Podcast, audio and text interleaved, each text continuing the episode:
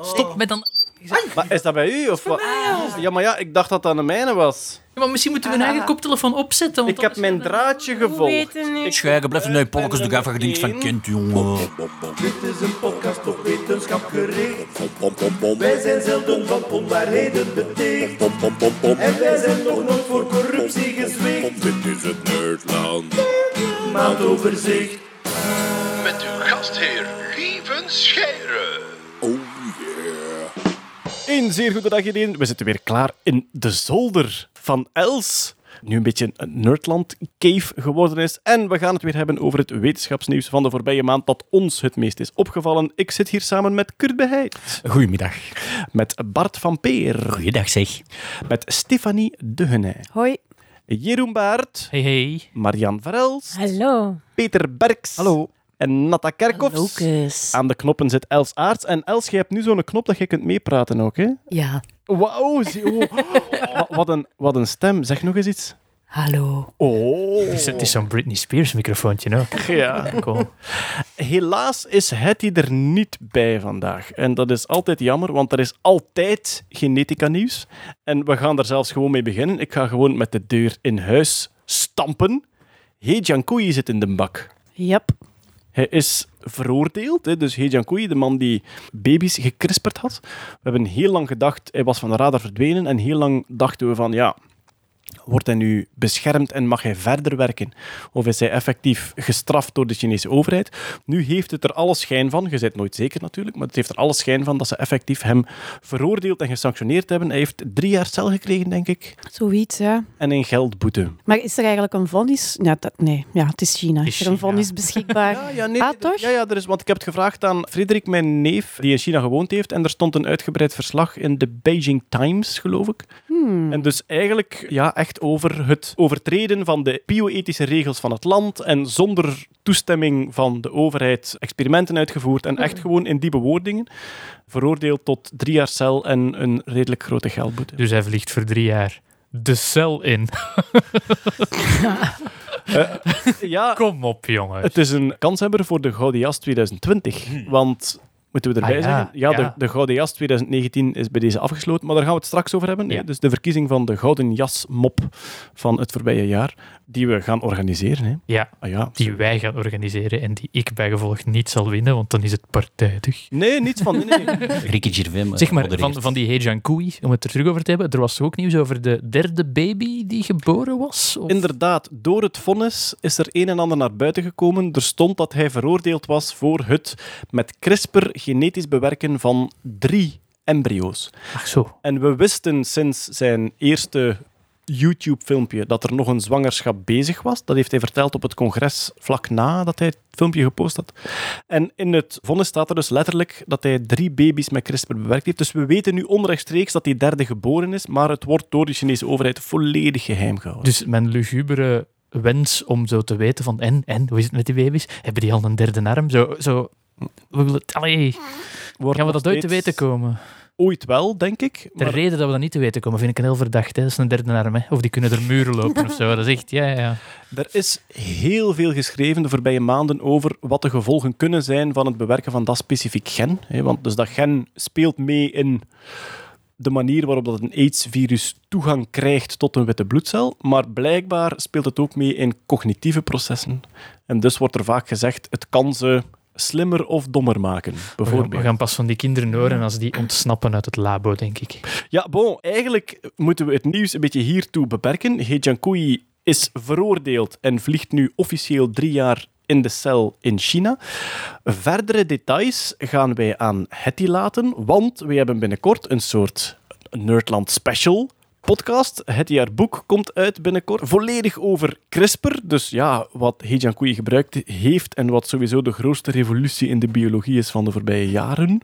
En het jaarboek komt uit op 2 februari en we gaan gewoon een boekvoorstelling doen waarbij wij een Nerdland podcast special enkel over CRISPR gaan houden.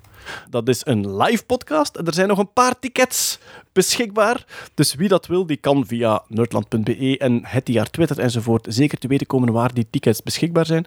En dus dan houden wij een avondje live podcast en daarna boekvoorstelling van het jaar CRISPR-boek. En gewoon omdat, ja, Hetty is hier nu niet, dus ik denk voor het CRISPR-nieuws gaan we het kort moeten houden deze maand en gaan we dat allemaal reserveren voor de opname die we Het voelt. We hebben zelfs een jingle niet gespeeld, denk ik. Het voelt Nee, dat is waar. Oh, en we missen die lach, hè. Ja, absoluut. Ja, Iemand anders zou wordt, wordt hier een tough crowd vandaag. hoor. Ik voel het al. Ja, voilà. Uh-oh. Ja. Zelfs met mijn zinger als de cel in was het hier maar lauwtjes. Dus, eh, ik mis je, Hetty. Oké, volgend nieuws. Artificial Intelligence nieuws. Want er is dit jaar een Eurovisie Songfestival in Nederland. In Rotterdam. We kunnen voor het eerst sinds lang met de trein naar het Eurovisie Songfestival, als we dat zouden willen.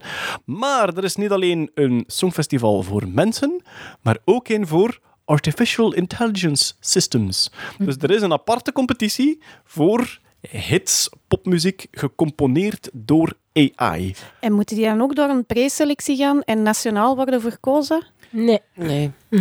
Maar er is nog geen Belgisch kandidaat. Oh, Ja, Nata had dat gezien. Want de kandidaten had ik niet zien staan, maar ik heb wel eens gekeken hoe de wedstrijd werkt. En je kan je registreren. Iedereen kan dat doen. De enige voorwaarde is dat alle mensen uit hetzelfde land moeten komen. En ze hopen zoveel mogelijk landen te hebben. Dus als je een team vormt, moeten alle teamleden uit hetzelfde land. Ja, Moeten dan word verbonden- je samengezet, Ja, ze moeten verbonden zijn met instituten uit hetzelfde land. Ah ja, oké. En dan krijg je eigenlijk 200 MIDI-files opgestuurd met de 200 Songfestival-liederen waar dat je op kunt baseren. En dan mag je daar AI op loslaten. En je mag het ook combineren met een menselijke performer. Je moet alleen... Dan worden er punten afgetrokken. dan worden er punten afgetrokken. Ja. Human in the loop. Ja. Een tien. En je moet vooral zeer transparant zijn over hoe je het gemaakt hebt. Dus al je code moet open source gezet worden. Wel, dan, da- da- dat bedacht ik net. Goed, een AI-systeem, je stopt er heel veel voorbeelden in en door een zo slim mogelijk algoritme haalt het daar een nieuwe versie uit. Ja. Maar het is heel gemakkelijk om daar als mens dan een beetje aan bij te schaven en een beetje te foefelen om dat mooier te maken. Maar dus, zij vragen de code open source, zodanig dat zij het kunnen reconstrueren. zo. Ja, en dat zie je eigenlijk in heel die AI-movement overal heel hard. Iedereen daar is heel hard bezig met open source. Ook in de algoritmisch onderzoek en zelfs in hardware meer en meer, dat ze zoveel mogelijk open source Om- Omdat het ook moet. Hè. Veel van die tussenpakketten die dat ze gebruikt, of veel pakketten waar dat erop gesteund wordt, die hebben als expliciete vereiste van oké, als je dit pakket gebruikt in software van u, moeten de rest van uw softwarepakket ook open source maken. Anders mocht je onze software niet gebruiken. Dus Beetje het, het. Creative Commons Ja. systeem. Ik deel het met iedereen, maar als je het gebruikt, moet je het Ja. ook weer delen met iedereen. Maar als, als die algoritmes allemaal open source en bekend zijn, dan is het toch, correct me if I'm wrong, maar dan is het toch echt alleen maar degene met de meeste data die wint uiteindelijk. Dus dan zijn de Googles en de Facebooks van deze wereld sowieso Nee, gewoon. maar je kan enorm veel soorten neurale netwerken bouwen. Ik kan er verzinnen met rare connecties en zoveel lagen van zoveel breed enzovoort. Dus Daar kan ik zelf creatief in zijn, maar zo- eens ik klaar ben, moet ik het resultaat samen met mijn finale song open Het is niet Ja, zo dat al die liedjes allemaal hetzelfde gaan zijn, want Nee, nee, nee, totaal Ja, niet. is, is Dat zoals, wel grappig zoals met koken. Hè. Je kunt een recept kunt op duizend manieren implementeren. Hè. Denk, ik, ik praat over koken nu, een soort Nee, je moet het nog waar anders zien. zelf- Stel je voor dat wij een kookwedstrijd doen. Iedereen maakt een gerecht. Je mocht kiezen welk gerecht. Ik maak, eh, weet ik veel, een rare vol au vent en jij een gekke tiramisu enzovoort. Je moet je finaal recept laten proeven, je finaal resultaat. Maar je moet ook het recept mee afgeven. Dat is eigenlijk wat je hier moet doen. Dus we maken allemaal iets anders, maar we geven wel ons receptje mee af. Dus ze gaan een neuraal netwerk, of meerdere neuraal netwerken, al die Eurosong-nummers laten horen. En na, een Ja. paar uur gaat er iemand buiten komen en zeggen van, kan een neuraal netwerk een nieuw Eurosong-nummer maken? Nee, maar het kan wel wenen, blijkbaar.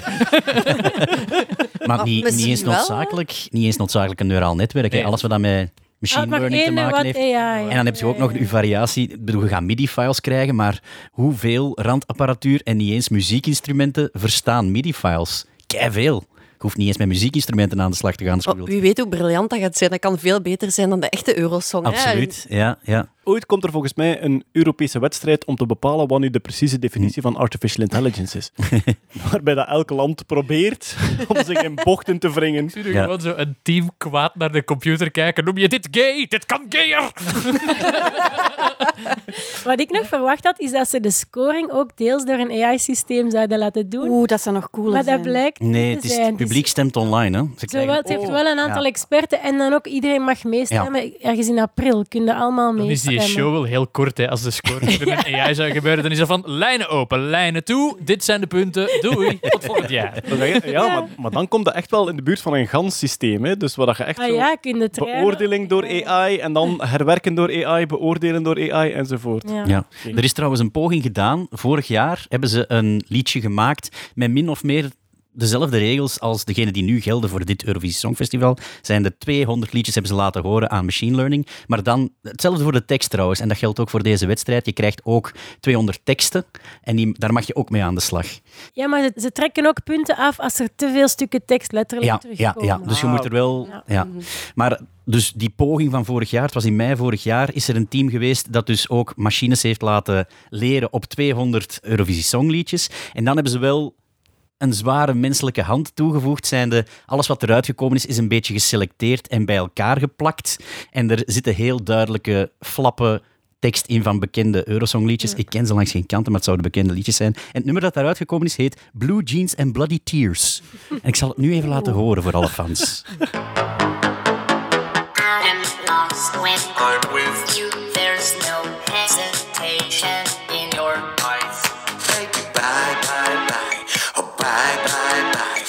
Baby, bye now. So the stain grows more obvious. In this place, Slaat er wel echt nergens op de tekst.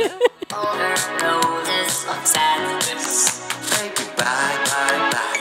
Oh, bye, bye, bye. Baby, summer's gone. It's gone for the both of us. And tears will always have wet. Tears will always have wet. Five on the ocean. I will let you go.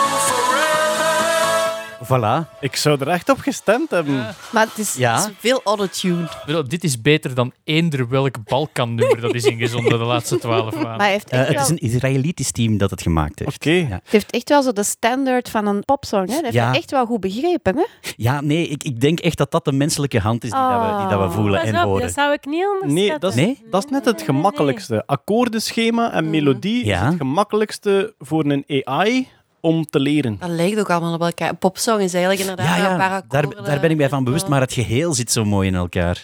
Ah, wel, er is één bedenking die ik heb als zijnde... Goed, heel vaak worden dingen door AI gegenereerd en daarna echt serieus bijgeschaafd door de mensenhand. Mhm. Hier kun je dat niet doen als ze zeggen van kijk, je moet je code echt geven. Dan zou je moeten kunnen met dezelfde input tot hetzelfde resultaat Maar je mag bijschaven, maar het moet heel duidelijk zijn wat jij hebt Ja. gedaan. Uw volledige Maar- recept moet eh, duidelijk zijn. Wat dat je wel kan doen, dat is heel veel verschillende AI-systemen laten genereren, die allemaal een nummer laten schrijven en dan heel selectief kiezen. Ja. Want dat gaat sowieso Dat zou wel gebeuren. gebeuren. hè. Dat is een beetje gelijk wat je vroeger had bij Banner, en ik weet niet of jullie daar oud genoeg voor zijn. Peter wel. Banner was software in het DOS-tijdperk en die maakten zo vlagjes met... Je moest een spreuk intikken, zoals Happy Birthday, en die maakte zo allerlei vlagjes met lettertypes en die genereerde het ene na het andere random. Ja. En dan moest op een bepaald moment zeggen, oh, dat is een mooie. En dan had je die gekozen. En dat kon alleen maar op zo'n matrix printer afdrukken. Ja. Dat was De jongere kon ik wel- mensen kijken heel raar nu. De matrix wel- printer is de printer waarmee dat je hele lange flappen papier mee kon printen. En dat was keihandig voor de vlaggetjes van Banner. Met Papier met gaatjes. gatjes, zo van die dingen. Zo met pinnetjes. Maar was dat ASCII dan? Of? ASCII, dat waren gewoon puntjes allemaal. Dat die echt zo... Dat was echt zo'n bitteretje. Oké, dat zo... you all peoples. Ik vind dit wel een beetje een confronterend moment dat we met een generatieschisma binnen de Nerdland Crew zitten. Ja, dat maar ik weet het allemaal, maar ik doe gewoon alsof ik bij de jongste. Nooit van gehoord. Matrix printer. Nerdland 70s overzicht. Voor alle jonge kids, hier is het geluid van een matrix-dot-printer. Ah, nostalgie. Was veel beter vroeger, kid. Ik vind, ik vind het ook zo fantastisch dat een deel van ons luisteraars nu vol nostalgie zitten en een ander deel vol verwarring. en minachting voor ouderen. Maar de matrix printer had er gewoon geen inkt voor nodig. Dus dat ging Die brande gaatjes. Ja, Ja. die sloeg dat erin. Ik weet het niet. Gelijk dat je een typemachine had. Zo, de, gaat de, Maar dat heb je toch ook lint, hè? ja, gaat lint, hè, maar je hebt geen inkt nodig. Gelijk dat je nu de inkjet printers, die dat zo een ponskaart eigenlijk. gewoon. Ja, niet een pons. Gelijk, gelijk een typemachine, maar in plaats van lettertjes waren dat gewoon allemaal bolletjes die erop geklikt werden. Ik moet heel even... Ik ben een heel, heel, heel grote songfestival liefhebber. En ik vraag me af, welke 200 nummers hebben ze die gegeven? Dat heb ik je ook afgevraagd. Want Ah, dat maar gaat- je stijl gaat keihard afhangen van die nummers. Dus zijn er allemaal recente of zijn er ook van de jaren 70 Dat moeten dan toch de Ik denk, winnaars ik zijn, denk winnaar, Stond er sowieso alle bij. Er winnaars. zijn denk ik. geen 200 winnaars, hè? Nee, nee. Wel, Maar laten, Laten we, we- laten we ons inschrijven, dan weten we het. hè. Dan krijgen we de Bij, maar dataset. als je registreert, dan Ja, dan krijg je de dataset sowieso. Maar De dat is misschien... waarschijnlijk. Dat is misschien heel belangrijk om te zeggen. Voor zover ik weet, is er nog geen Belgische inzending. Oh, come on, mensen, we doen mee. Dus is dit een oproep? Iedereen die Ja. in AI werkt Yes. of toegang heeft om AI-systemen te kunnen genereren en testen op al die input, doen gewoon. hè. Make us proud. Ja. Volgens mij is het iets, we moeten wachten op eh, General AI om dat te doen. Kai. Oh. En de Gouden Jas 2019 gaat naar... Het is Ah, 2020. 2020, sorry. Dat is een nieuwe inzending. Goed. We gaan over naar het volgende onderwerp. Dames en heren, Miss America 2020 is dokter in de chemie. Awesome. dokter in de chemie. En ze heeft tijdens de talent competition, waar dat je normaal gezien een liedje zingt of zegt dat je heel graag wil dat iedereen vriendjes is op aarde, heeft zij een chemisch experiment gedaan. Een van de toppers als het aankomt op performance, namelijk de Elephant Toothpaste. Oh yeah. Ja, dus waar dat je twee stoffen samengiet die bubbeltjes maken. Dus meestal waterstofperoxide, H2O2, en een, een katalysator die daar de zuurstof uithaalt. En dan zeepsop, waardoor dat al die bubbeltjes schuim worden. En dat heeft zij gedaan. Ja, trouwens, eh, Bart, wij hebben nog lang gezocht op het optimale Elephant Toothpaste recept Ja, ja, voor, er voor is eh, op Woestijnvis... Nee, nu, is, nu is het weggewerkt, maar op Woestijnvis is een heel lang een soort van bruine vlek tegen het plafond geweest, daar waar wij Zo, iets te zo enthousiast... praat je niet over Bruno Wijndalen.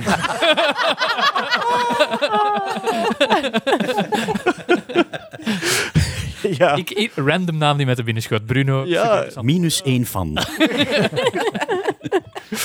Nee, ja, de Elephant Toothpaste hebben we daar hard aan gesleuteld om dat juist te krijgen. En dat is ook het meest aangevraagde eh, receptje Ja. op de show. Want de recepten voor Elephant Toothpaste die je online vindt, zijn vaak een beetje aangepast Ja, om het veilig te houden. veiliger te zijn. En doen wij niet aan mee, peroxide. natuurlijk. we waren een beetje safety third. Mm. Ja. Concentratie van de peroxide is belangrijk. Ja, absoluut. De gangbare in de apotheek die is maar 10 of 15. 6 à 12 procent. Ja, maar je moet 30 procent 35 nodig. Ja. 35. 35, oh, oké. Ik heb die. Oh.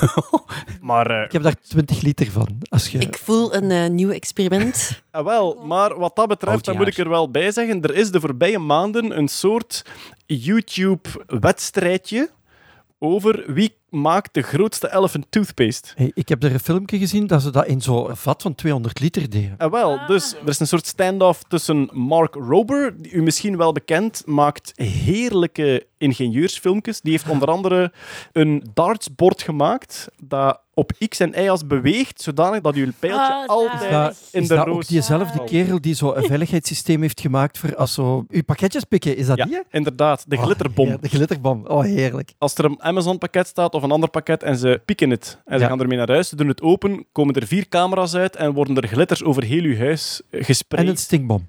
En een stinkbom terwijl het u filmt en Ja. uploadt online. Ja, met GPS en alles erbij. Goed, of dat allemaal echt is, dat weet ik niet. Maar dus Mark Rober, die zit op YouTube. En David Dobrik was een andere YouTuber. David Dobrik heeft op een bepaald moment het wereldrecord Elephant Toothpaste gepost. Maar Mark Rober reageerde...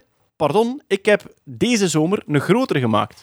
En toen zei David Dobrik, oké, als het zo zit, dan maken wij hem nog groter. En nu komt het er eigenlijk op neer dat er een volledige tuin van een verkavelingswoning vol met schuim ligt. Classic male behavior. Pas op, pas Ik heb de grote, nee, ik heb de grote. Ja, maar dat Dit is, is... het is echt wel nerdfight, eh En beetje ondertussen macho. staan al die olifanten langs de kant. Weten die dat wij dat niet gebruiken? Dus, eh, ja. Zullen we een Nerdland React 2 doen? Ja. Ja, we gaan, we gaan gewoon kijken en reageren. Mensen die het willen zien, zoek op New World Record Elephant Toothpaste David Dobrik. En het komt ook in de show notes, uiteraard, op maandoverzicht.nerdland.be. Wij gaan nu kijken en reageren. Wie gaat-! Wauw. Gaat er dat op? Wauw.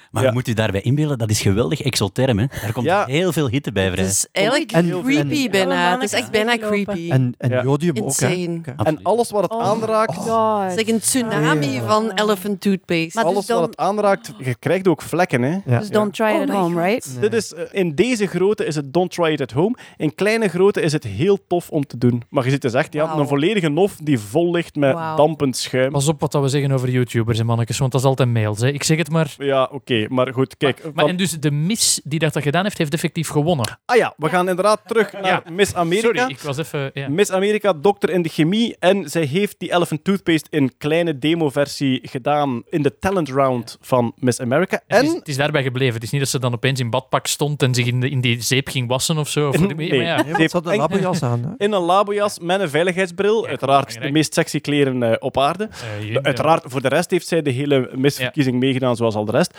Maar ze is gewonnen. En ja, we hebben nu dus een dokter in de chemie die een jaar lang Ik denk dat ze aan het doctoreren is. PhD, maar ze is 24 nu, denk ik. Hè? Dus inderdaad, dan zij de twee, dus ze is twee jaar aan het doctoreren, ja, inderdaad. Ja, voilà. Ja, dat is wel Awesome. cool, hè? Ze zegt ook dat haar belangrijkste missie outreach wordt nu. Hè? Dus tijdens haar jaar Miss USA wil ze vooral science outreach. Maar zo cool. Ja, super, hè. Ja.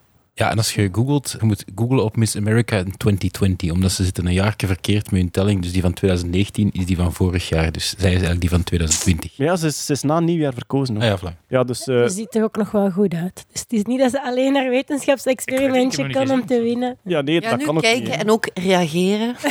Ja, maar bon, ik heb iets gek met misverkiezingen. Ik vind die nooit echt knap als die verkozen worden. Soms worden die knap een paar jaar later, maar op het moment dat die verkozen worden, heb ik zelf niets van, jij bent nu echt een schone madame. Een beetje gelijk een wijntje. Moet dat laten liggen.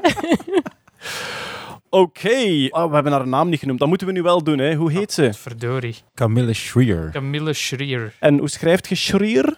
Schrier. S-C-H-R-I-E-R. Ja. Ja. Voilà, maar we zetten de link ook er wel erbij. Het is echt Camilla. Het is wel een knappe. Als je dat zo zegt, dat is altijd in mijn hoofd. S-C-H-R-I-E-R. Schuif af. ja, dat kan dat niet aan doen. Ik kan dat niet aan doen. Dat is de schuld van de VTM. Zeg, het zou toch de max zijn als die een soort tv-programma begint samen met Simon Jerts. Dan heb je Schrier en Jerts, do science. Wauw. Ja. Ik denk wel Russisch allemaal. ja, dat is waar. Schrier en Jerts. ja. Je hebt ook zo een Russische scientist hè, op YouTube. Oh man. Oh, ja. Crazy Russian Hacker, ja. volgens mij. Ja. En hij zegt altijd: Safety is number one priority. En dan doet hij zich gigantisch pijn. Hè? Met, met een wel is altijd. ja, ja, altijd zo veilig. is. Een enorm nadeel als je een arts bent met een Russisch accent. Want er is niemand die op, op, op een Nee. operatietafel ligt en zegt van... Oké, you go to sleep now. I will operate you. You wake up more healthy, no problem. Ja, Crazy Russian Hacker, die inderdaad de meest waanzinnige dingen doet. Onder andere, ik denk dat hij het was, heb ik die ooit het magnetron-element uit een microgolfoven zien halen. Hè, Dus dat is een element dat, als dat minder dan een paar meter van u staat, waar dat je ogen ontransparant van worden. Wat heeft hij gedaan? Die heeft dat op een stok gezet van twee meter lang. En dan heeft hij tussen zichzelf en dat magnetron-element heeft hij een metalen schild gebouwd, zodanig dat hij niet gefried werd. En dan is hij gewoon naar objecten in zijn tuin gestapt. En hij is die met een schakelaar beginnen magnetronnen. En dus je ziet die dan echt zo zitten voor een tomatenplant. Now we try, well, now we try microwave tomato. En dan tot als die ontploft. Ja, dat is, ja, qua health and safety is dat een Maar hele erge... wel. Goeie nieuws is, En- die is onvruchtbaar. Ja. en alle wifi was weg in de buurt. Ja, dat ook. Ja. Ah, dat is juist, dat dezelfde frequentie. Ja, inderdaad. Goed, we blijven in de United States of America. We gaan meer bepaald naar de Stanford University. Wat hebben ze daar gebouwd? Een zelfrijdende elektrische DeLorean. Dus de DeLorean legendarisch geworden door Back to the Future. Een zelfrijdende elektrische DeLorean die niet gewoon rijdt, maar die drift. En dus driften, voor wie het niet kent, driften is uw wielen draaien door, dus uw wielen slippen door, maar intussen al glijdend door met uw voorste wielen naar rechts te sturen terwijl je een bocht naar links neemt, ga je al rijdend eigenlijk bochten maken. Het is een geweldig populaire racetechniek ook. Hoe heet het nu weer? Ehm, Drag racing. karma? M- Mukarma of zoiets? Waarover heb je het lief? Ja, Die nerds ja, kennen alles van street races. Lieve heeft een beroerte. Kennen jullie dat niet, jongens? Hoe? Ja, ik- Nee, het heeft een, het heeft een naam. Gymkhana, denk ik. Wacht hoor, ik ga kijken. Dat is het Japans. Dat is, dat is een vechter uit Street Fighter dat je nu... Nee, nee, wins. nee, het is letterlijk Gymkhana. Ah. G-Y-M K-H-A-N-A. Gymkhana. Ah, Gymkhana. Ja, Ah, oké. Gymkhana. Zijn we er. En dus Gymkhana is een racetechniek waarbij dat je constant, elke meter die je aflegt, zijn je banden, zijn je achterwielen aan het patineren. En je moet dus constant al driftend door al die bochten gaan. En die maken dan een soort bochtig parcours met acht vormen en donutsen die je allemaal zo moet afleggen. En die mannen die rijden dus tot op 10 centimeter tussen hindernissen door. Dat is waanzinnig om te zien. Maar die kunnen toch maar één toerke doen, want dan zijn die banden al weg. Die moeten heel vaak banden vervangen, ja, dat En op klopt. 10 wel. centimeter van hindernissen. Allee, als ik door Antwerpen stad rijd, doe ik dat ook eigenlijk. Al driftend Al ook, eh? Ja. Nee. Ik vraag me nu af hoeveel, Tegen van ons 120 publiek- per uur. hoeveel van de cirkel van ons publiek overlapt met van die Johnny's dat er... Dat dat, ik ben aan wie zijn we dit nu Ze tonen dat wel heel veel op Discovery Channel. Oké. Oké. Maar, ja, is toen op Discovery Channel. Is het dan Hitler's dri- Drift Race? Nee, dat is I'm National not saying it's Geographic. aliens, but it's aliens. Nee, Ja, al is- die autobouwprogramma's, Maar die doen altijd donuts. Daarover gesproken, al Drift Scene die, Investigation. It's aliens. al die wetenschappelijke documentaire kanalen van vroeger zijn ook allemaal een beetje macho-kanalen aan het worden. hè. Dat is toch echt een teloorgang. Hitler's War Machines. Maar ja, dan, dan zitten we nog bij de goeie als het over Big geschiedenis gaat. aluminium hoedjes vooral ook. Meestal is het pimping cars. Wheeler dealers, maar dat zijn wel echt nerds, hè. Is het echt gelukkig? Ja. Ja, De car nerds. wij hier van Nerdland, wij gaan, wij gaan fingerpointen. Dat, dat, dat, dat zijn nu. Dat gaat daarover. Zo. Zeg, lievend, maar moet ik niet harder onder de indruk zijn als een mens dat doet, dan wanneer een AI dat doet? Nee. Nee? Wel, ten eerste, dan moet ik er heel duidelijk bij zeggen, ik weet niet eens zeker of het een AI-systeem is. Ik heb zitten zoeken. Ja, ik denk het wel. Voor de mensen die het willen opzoeken, de auto heet Marty, genoemd naar Marty van Back to the Future. Het is van de Stanford University. En Marty Kana is het project dat ze gedaan hebben, dus Gymkhana met Marty. Nu, wat dat zij bouwen is, ze hebben een zelfrijdende elektrische auto gemaakt. Alle self-driving systems die momenteel ontwikkeld worden, zijn gemaakt voor wat zij noemen stabiele systemen. De wielen hebben grip en wijzen de juiste richting uit. Drifting en Gymkhana is een onstabiel systeem. Namelijk, ja, uw rijrichting is niet waar uw wielen naar wijzen. Uw wielen slippen door. Je zit met andere krachten, je zit met wrijvingskrachten. Er zijn andere manieren om richting en snelheid te bepalen enzovoort. En dus zij hebben hun volledig systeem ofwel getraind in AI ofwel geprogrammeerd op onstabiele systemen. Ze hebben dat zodanig performant gekregen. Het filmpje dat nu online staat is 1 kilometer lang, alleen maar al driftend door allerlei bochten en circuits. En het doel van hun onderzoek is om crash-systemen te maken voor zelfrijdende auto's. Namelijk als een zelfrijdende auto in een ongeval terechtkomt, of als er een voetganger is die ze enkel als slippend kunnen ontwijken, dat er ook code bestaat om in onstabiele situaties de juiste manoeuvres uit te voeren. Maar het filmpje dat ze tonen, ik vind het ontroerend mooi. Maar het is wel, ik, ik weet niet zeker dat in het filmpje zelf er, lijkt het redelijk voorgeprogrammeerd. Hè? In de zin dat er zitten zo twee nerds in een auto. En de ene nerd heeft een laptop op zijn schoot. En de andere zit gewoon bij de Deadman switch. dat vind ik nog het akeligste. Dat is een zelfrijdende auto die kei gevaarlijke dingen doet aan hoge snelheid en je gaat er met twee in zitten. Dat is niet nodig. Ja, maar ze rijden door kegeltjes. Hè. Dus als hij een fout maakt, is er een kegel en ze zitten op een hele grote Ja. Vlakte. en als die auto omflipt en in brand vliegt, dan het zijn Ja. kegeltjes. Het is oké. Dat is. De ge... Ja. Maar dat vind ik... Het meest ontroerende is hoe performant dat die een auto is. Dat is echt fantastisch. Ja. Maar het tweede meest ontroerende vind ik... Aan de buitenkant kijkt je naar een DeLorean die echt macho-toeren aan het uitvoeren is wat ik zal u gaan hebben. En dan krijg je een shot van de binnenkant. En daar zitten twee nerds. Ene met een laptop en een andere met zijn hand inderdaad op de dead switch. hè, dus om hem af te schakelen als er iets fout gaat. En die zitten nu toch te giechelen en te genieten. Heerlijk is dat. We zullen eens even luisteren naar een audio. Hè.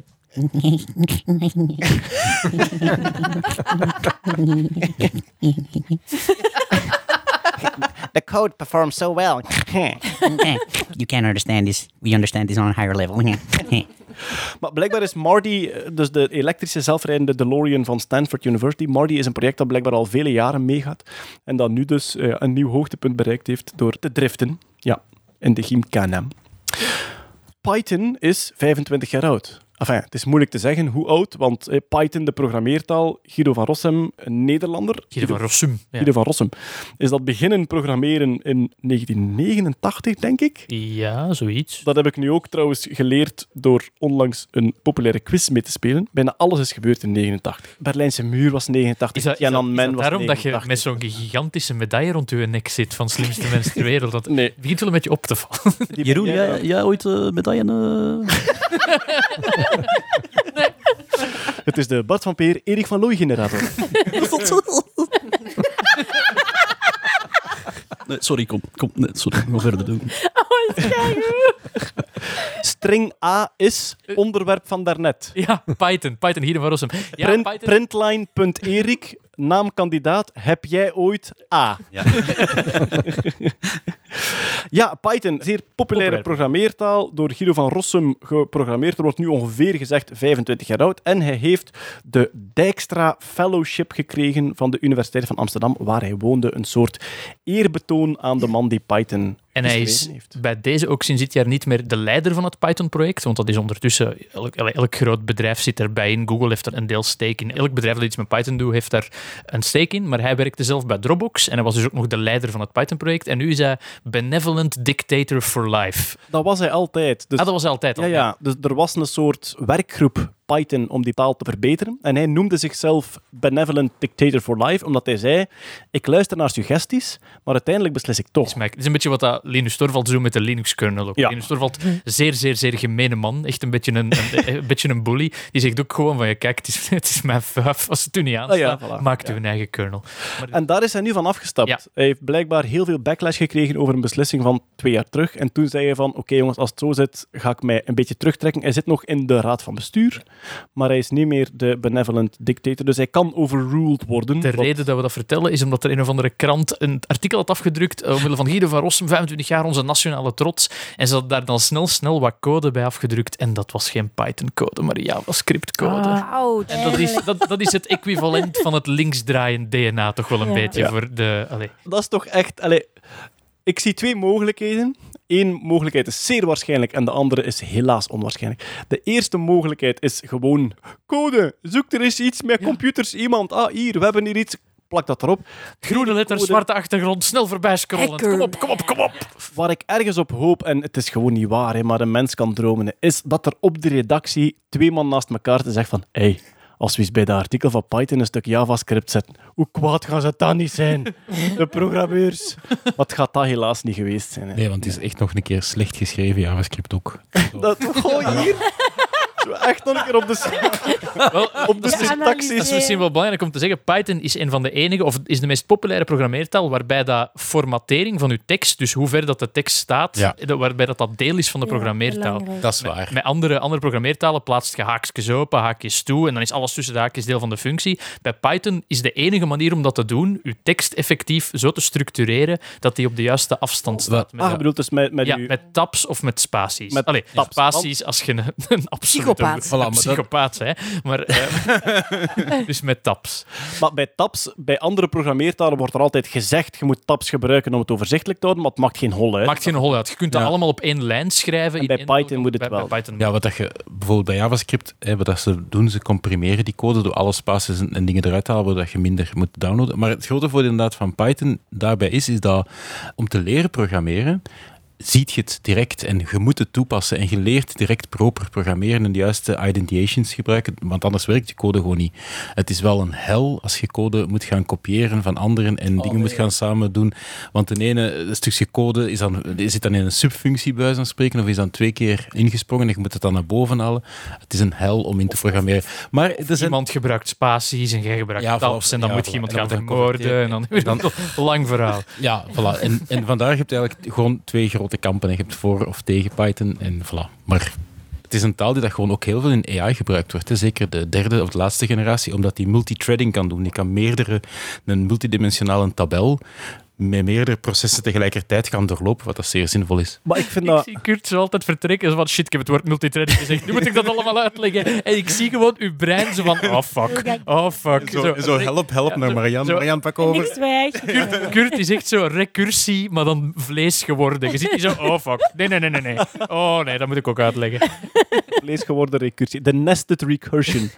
Ehm, voor beginners wordt het ook vaak aangeraden. Ja, ja, het is, het is, ik zeg, omdat je leert heel een functie, je kunt dat niet eh, rommelcode schrijven. Je moet het mooi uitlijnen. En het Challenge accepted. dan werkt het gewoon niet. Ah, oké. Voilà. En de tweede is, is dat het heel veel toepasbaar is. Je kunt daar scriptjes mee schrijven op een server en je kunt daar websites in programmeren, je kunt daar apps in schrijven, je kunt daar heel veel verschillende dingen mee doen. Het is zo'n beetje de Swiss Army knife. Eh, eigenlijk als je één programmeertaal zou leren, leer dan Python, want dat kun je voor heel veel dingen gebruiken. Dat is wat dat Jeroen mij ook aangeraden heeft om het Python-boek Ja, eh, Automate Learn the Boring Python the Stuff. hard ja, way. automating the boring stuff with Python of learn Python the hard way Ja, is ook zo, een zo heb ik ja. het ooit half Maar ik vind die titel zo goed. Automate the Boring Stuff with Python. Want Ja. dat boek gaat echt over... Je bent geen een IT-professional. Je bent gewoon iemand die een taal wil leren om zichzelf het leven af en toe gemakkelijker te maken. En hoe kun je Python daarvoor gebruiken? Om eigenlijk, zoals dan een klusjesman zijn eigen kast bouwt in hout voor zijn living, dat je iets op je computer of in je domotica gewoon automatiseert met een Python-scriptje. Ik denk dat dat nog altijd de beste motivatie is om te leren als je er Om te beginnen, ja. mee kunt doen. Ik heb dvd's om dat te leren. Eh, Monty Python Dat is, eh, en de jas 2020. daarnaar is de taal effectief vernoemd, Is Monty waar? Python's Flying Circus. Ja, oh, nog, Guido van der Russum was daar een zeer grote Ah, fan van. oh. Guido. Guido van Rossum was heel groot fan van Monty Python en het is dus echt een tribute. De naam Python is een tribute naar Monty Oh. Python. Dus een mens kan dan beginnen dromen. Misschien dat er ooit een nerd is in de toekomst. Die Mariette, de taal. Of nee, die zijn programma noemt naar neveneffecten. Maar Ah, goed, ja. software met neveneffecten, We dat is voor Microsoft. Nerdland, maar bon. Dus, pardon, Het is Nerdland. te weten waar dat we staan. lief. Ja, bon. Sommige mensen leven nog tien jaar terug. Al- wij zijn dan eens weg, hè, alle acht. Oké, ja, zeg, genetica nieuws alweer, maar we gaan het er toch eventjes over hebben, ook al is Hetty er niet bij. George Church. Eh, George Church is iemand die ja, een vaak gehoorde stem in de genetica, iemand die absoluut zijn credentials en zijn adelbrieven heeft, maar ook iemand die de controverse niet schuwt en die meezit in onder andere het mammoet-cloning-project, die nu een nieuwe manier wil ontwikkelen om uw DNA op te slaan uw genetische code op te slaan op een veilige server, waar dat je dan mensen af en toe toegang tot geeft. Dus als uw dokter iets wil weten uit uw DNA, krijgt hij geen bestand met uw genetische code op, maar kan die bij Nebula, heet het denk ik, kan die dan eventjes gaan kijken waar zit dat en onmiddellijk daarna wordt zijn access terug ingetrokken. Een van zijn projecten, maar die is nu ook betrokken in een dating-app op basis van DNA. Goed, dat is een concept dat sowieso vele alarmbellen doet afgaan.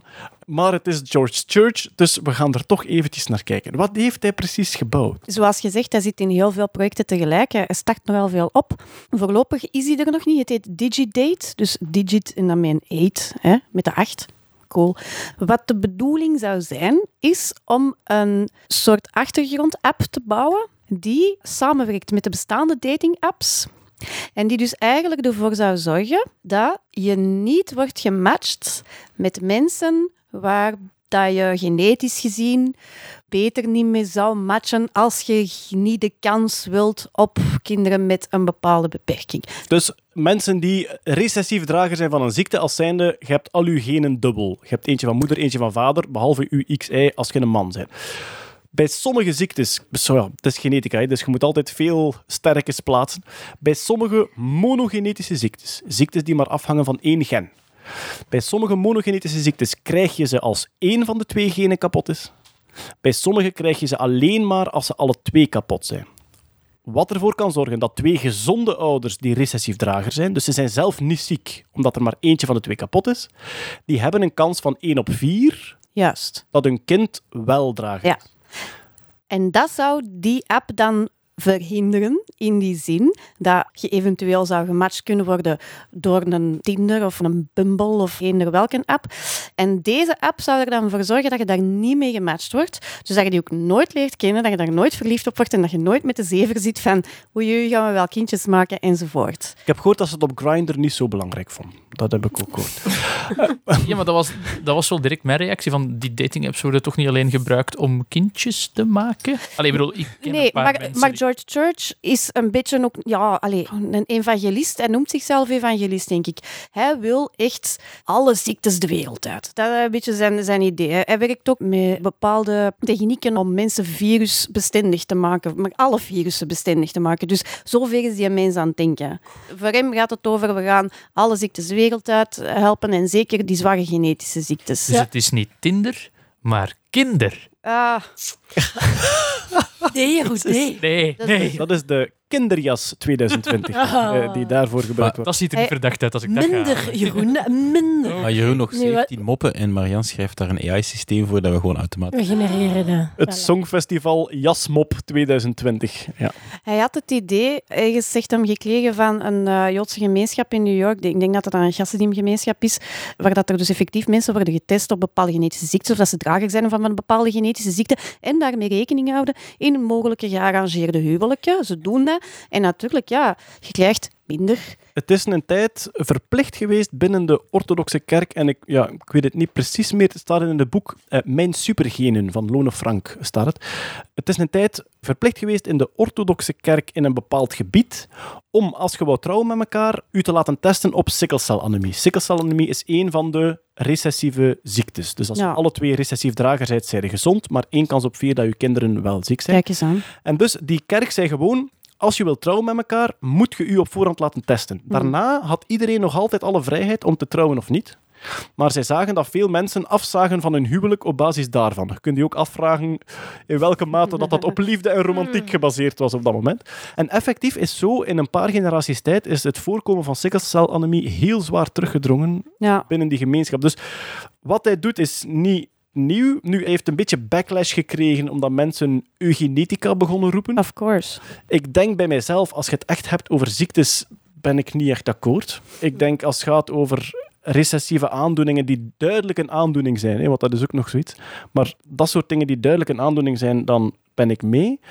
En natuurlijk ook heeft de pers ervan gemaakt, dating app op basis van DNA, waardoor dat heel veel mensen begonnen denken, op basis van DNA weet je wat uw, je goede romantische partner is. En dat is het totaal niet. Maar die bestaan ook. Absoluut. Die heb ik gevonden. We hebben hier DNA Romance. Ja. DNA Romance is een site waar dat je absoluut niet naartoe moet surfen, tenzij voor de lol. Het Zet hem in de show notes. eh. Wat doen zij? Zij doen één ding waarvan dat ik denk, allee, tot daar aan toe. Dus je laat je profiel op. Als je dat al hebt, als je dat niet hebt, kun je ter plekke een test bestellen. Voor- DNA-profiel, ja.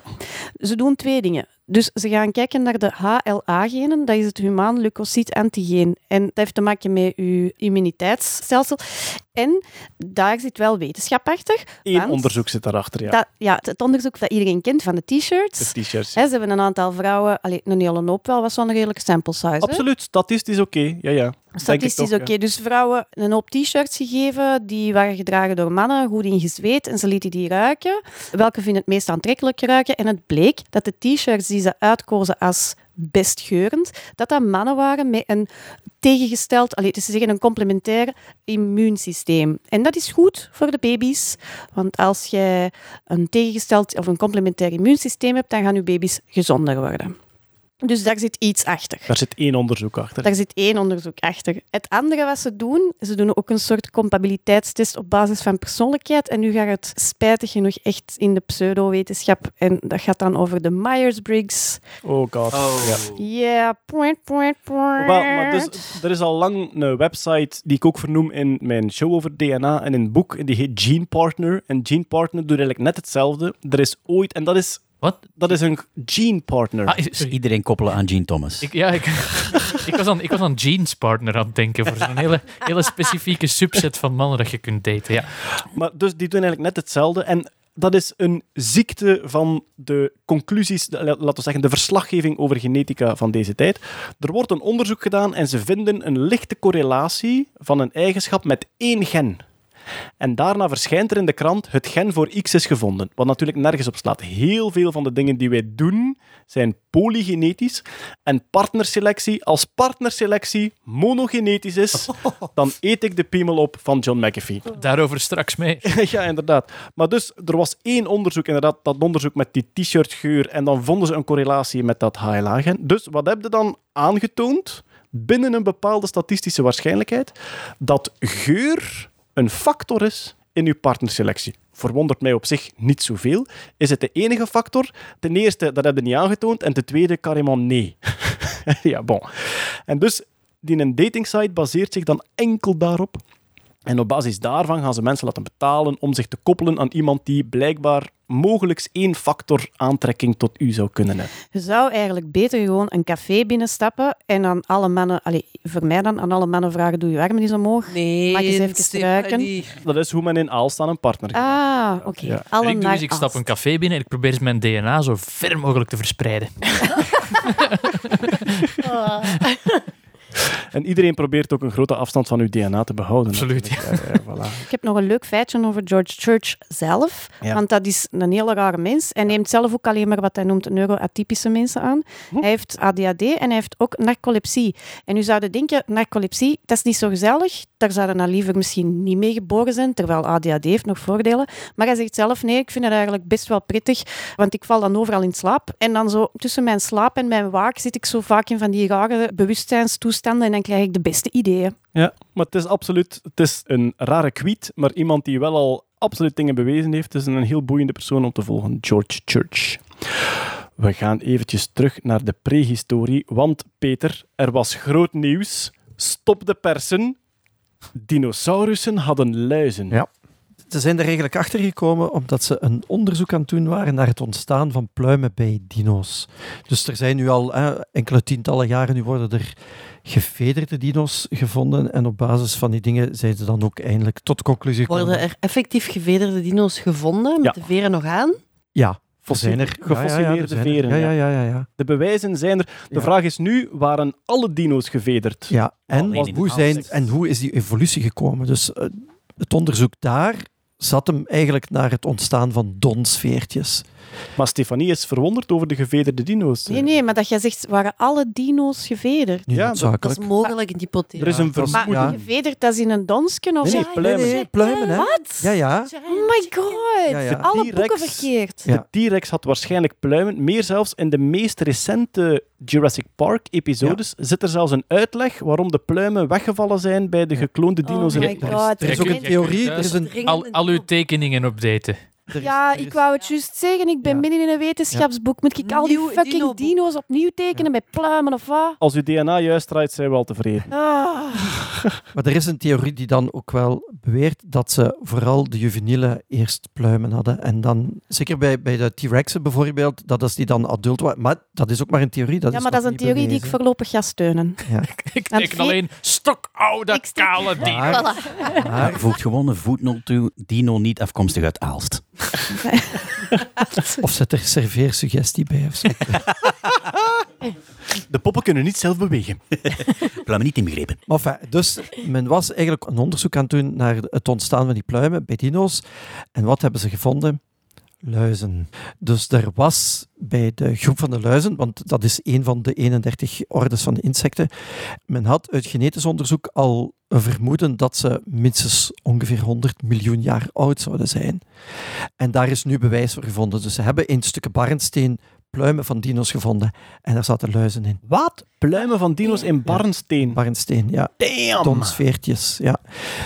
En voordat je nu begint te denken van, oeh, wacht, muggen, dat ging niet. Misschien luizen, Jurassic Bloed Park eruit geweest. halen, ja. Ja, nee, niet alle luizen zuigen bloed. Er zijn er ook die eten pluimen. Alle. Ja, en deze waren er zo. Ja. Zet dan Maar die Ja, luis best is daar zelf nog in. Oh, is Ja, ja, ja. hoe... Dus ze lijken wel op moderne luizen, maar de monddelen zijn veel primitiever. En ze zijn ook maar iets van twee tiende van een millimeter groot of zo. Dus het zijn echt hele kleine beestjes. Maar dus barnsteen is eigenlijk hars uit. Gefossiliseerde hars, ja. ja, Har- ja. hars, er is op een bepaald moment dan blijkbaar een pluim van een dino gevallen. Daar is boomhars overgelopen Ja. en die is gefossiliseerd, begraven geraakt. Ja. Trouwens, een insectje kopen in barnsteen, dat kost maar 50 euro, denk ik. Dan wordt er heel veel gevonden. Hè. Ja, je kunt voor 50 euro online kunt een insectje kopen van 60 miljoen jaar oud in barnsteen. Zeg, en het DNA van zo'n luis in Barnsteen, is dat intact of is dat kapot? Nee. Dat is kapot. Dat is kapot. Tot, ja, Dat is het jammer aan DNA, dat ook al zit dat perfect bewaard, stabiel, dat dat na een paar honderdduizend jaar gewoon uit elkaar valt. Die molecule is zo groot en fragiel dat Ja. dat niet anders kan. Dat dan had ik kapot gaan. vaak heel enthousiast aan Hetty gevraagd en zegt nee, Oh. Ja. Wat je eigenlijk ziet in Barnsteen is ook eigenlijk alleen maar het omhulsel van die beesten. Eigenlijk Ah, ook maar een afdruk, hè? dus dat is, dat is een holte. Hè? Wel zo fijn dat je daar in submillimeter mondjes Ja, kunt maar ja, ik vergroten. snap Een beetje. Vesuvius-uitbarsting. eh, Ja, wel, ja. Ja. ja. dus die, je hebt zo'n modellen van die mensen die daar gestorven zijn. Eigenlijk is dat hetzelfde. Je hebt de holte nog. En Want al de rest is al gewoon verdwenen. de rest is verdwenen. Dus bij Pompeii werd er gegraven. Niet terug over die vissen in emmers. Nee, nee, nee, nee, niet weer al. Nee. Dus er werd gegraven tot als je een holte vond en die werd Ja. vol gips gegoten, Ja. denk ik. Hè? En, En dan in die holte liggen die beenderen dan nog, maar die zijn dus, dat lichaam is vergaan. Ja. Dus die beenderen, dat stuikt allemaal in elkaar, maar die holte is er nog. Oké. Dus als je die vult, dan zie je dus de vorm van de mensen. En dat Op is het moment dat zij stierven, ja. Ja, de, de negatief. Ik snap wel dat die dino's luizen hadden, want probeer dat T-Rex uw arm maar eens te kammeren. Oh man, ik zat al twee minuten te wachten om die joke te maken. Ah, ik wil maar over die En- barnsteen. En dit is waarom ik de gouden jas al. Maar trouwens, als het gaat over luizen en parasieten, een vogelnest, de nesten van vogels, dat is blijkbaar een soort broeihaard, waar Ja. dat er echt Ja. een soort Serengeti-woestijn voor Ja. parasieten die op vogels zijn. Maar dat zijn niet alleen luizen, hè. daar zitten ook heel veel vliegen in.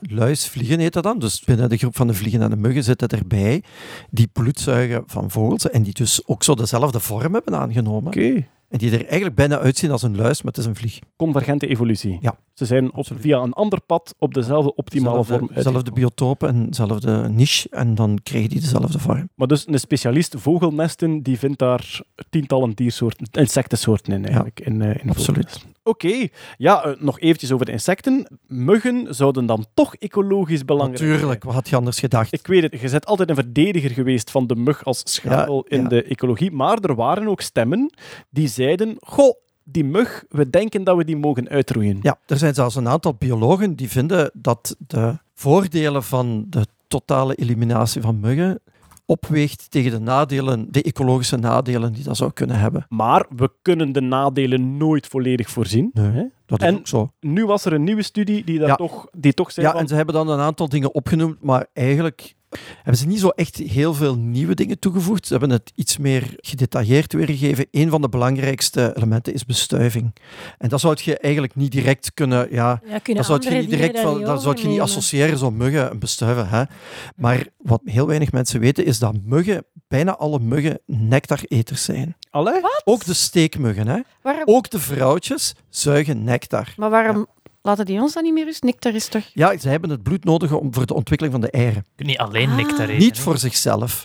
En dan moet je weten, er zijn ongeveer 3500 soorten muggen, waarvan er maar ongeveer 150 à 200 bloedzuigers zijn. Al de En andere al die doen dat 150 niet. zitten vanavond in jouw slaapkamer.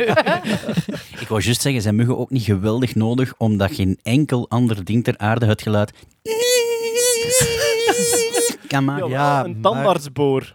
Ja, Ah, oké. Weg met de muggen. dat doen ze trouwens om elkaar te zoeken. Hè. Muggen vinden de partner op basis van de frequentie van de vleugels. Dus eigenlijk is dat gewoon irritant geflirt waar we naar geluisterd. Ja. Dat is het, Kwa poepen, kwa poepen, kwa poepen. Of het- vreselijk. het equivalent van Hollanders op een festival. Zo van, hé, hey, we staan hier. Nee, we staan hier. Jeroen, wij hebben heel veel Nederlandse fans. Oh, ik bedoel, En ik wil dat je je nu excuseert. eh, dat is het equivalent van, van die ambetante Fransozen. Ah, ah. Die, dat, die dat daar staan van, oh, oh nous sommes ici. No, nous sommes ici. Oh. Lachen met de Fransen. Het is de parachute van elke Europese mop. Typisch Frans. Je ne veux pas payer beaucoup pour ça. um, Dikke Fransen.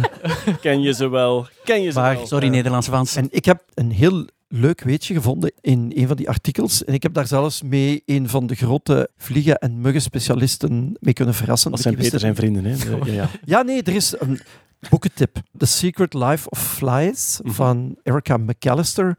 Dat is iemand die in het eh, Natural History Museum in Londen werkt. Dus de vliegen- en muggenspecialist. Die heeft een heel leuk boekje geschreven over waarom dat vliegen zo supercool zijn. En ik had een onderzoekje in mijn hoofd over een ecologie van poeltjes en waarom dat die muggenlarven zo belangrijk zijn, bla bla bla. Maar ik kon het niet terugvinden, dus ik had haar even gecontacteerd. En ik zei van, ja, het ging dan over die bestuiving. En ze zei ook van, ja, dus dat, heb je daaraan gedacht met die adulten? Ik zeg, ja, maar ik vind ik zelfs een heel cool ding.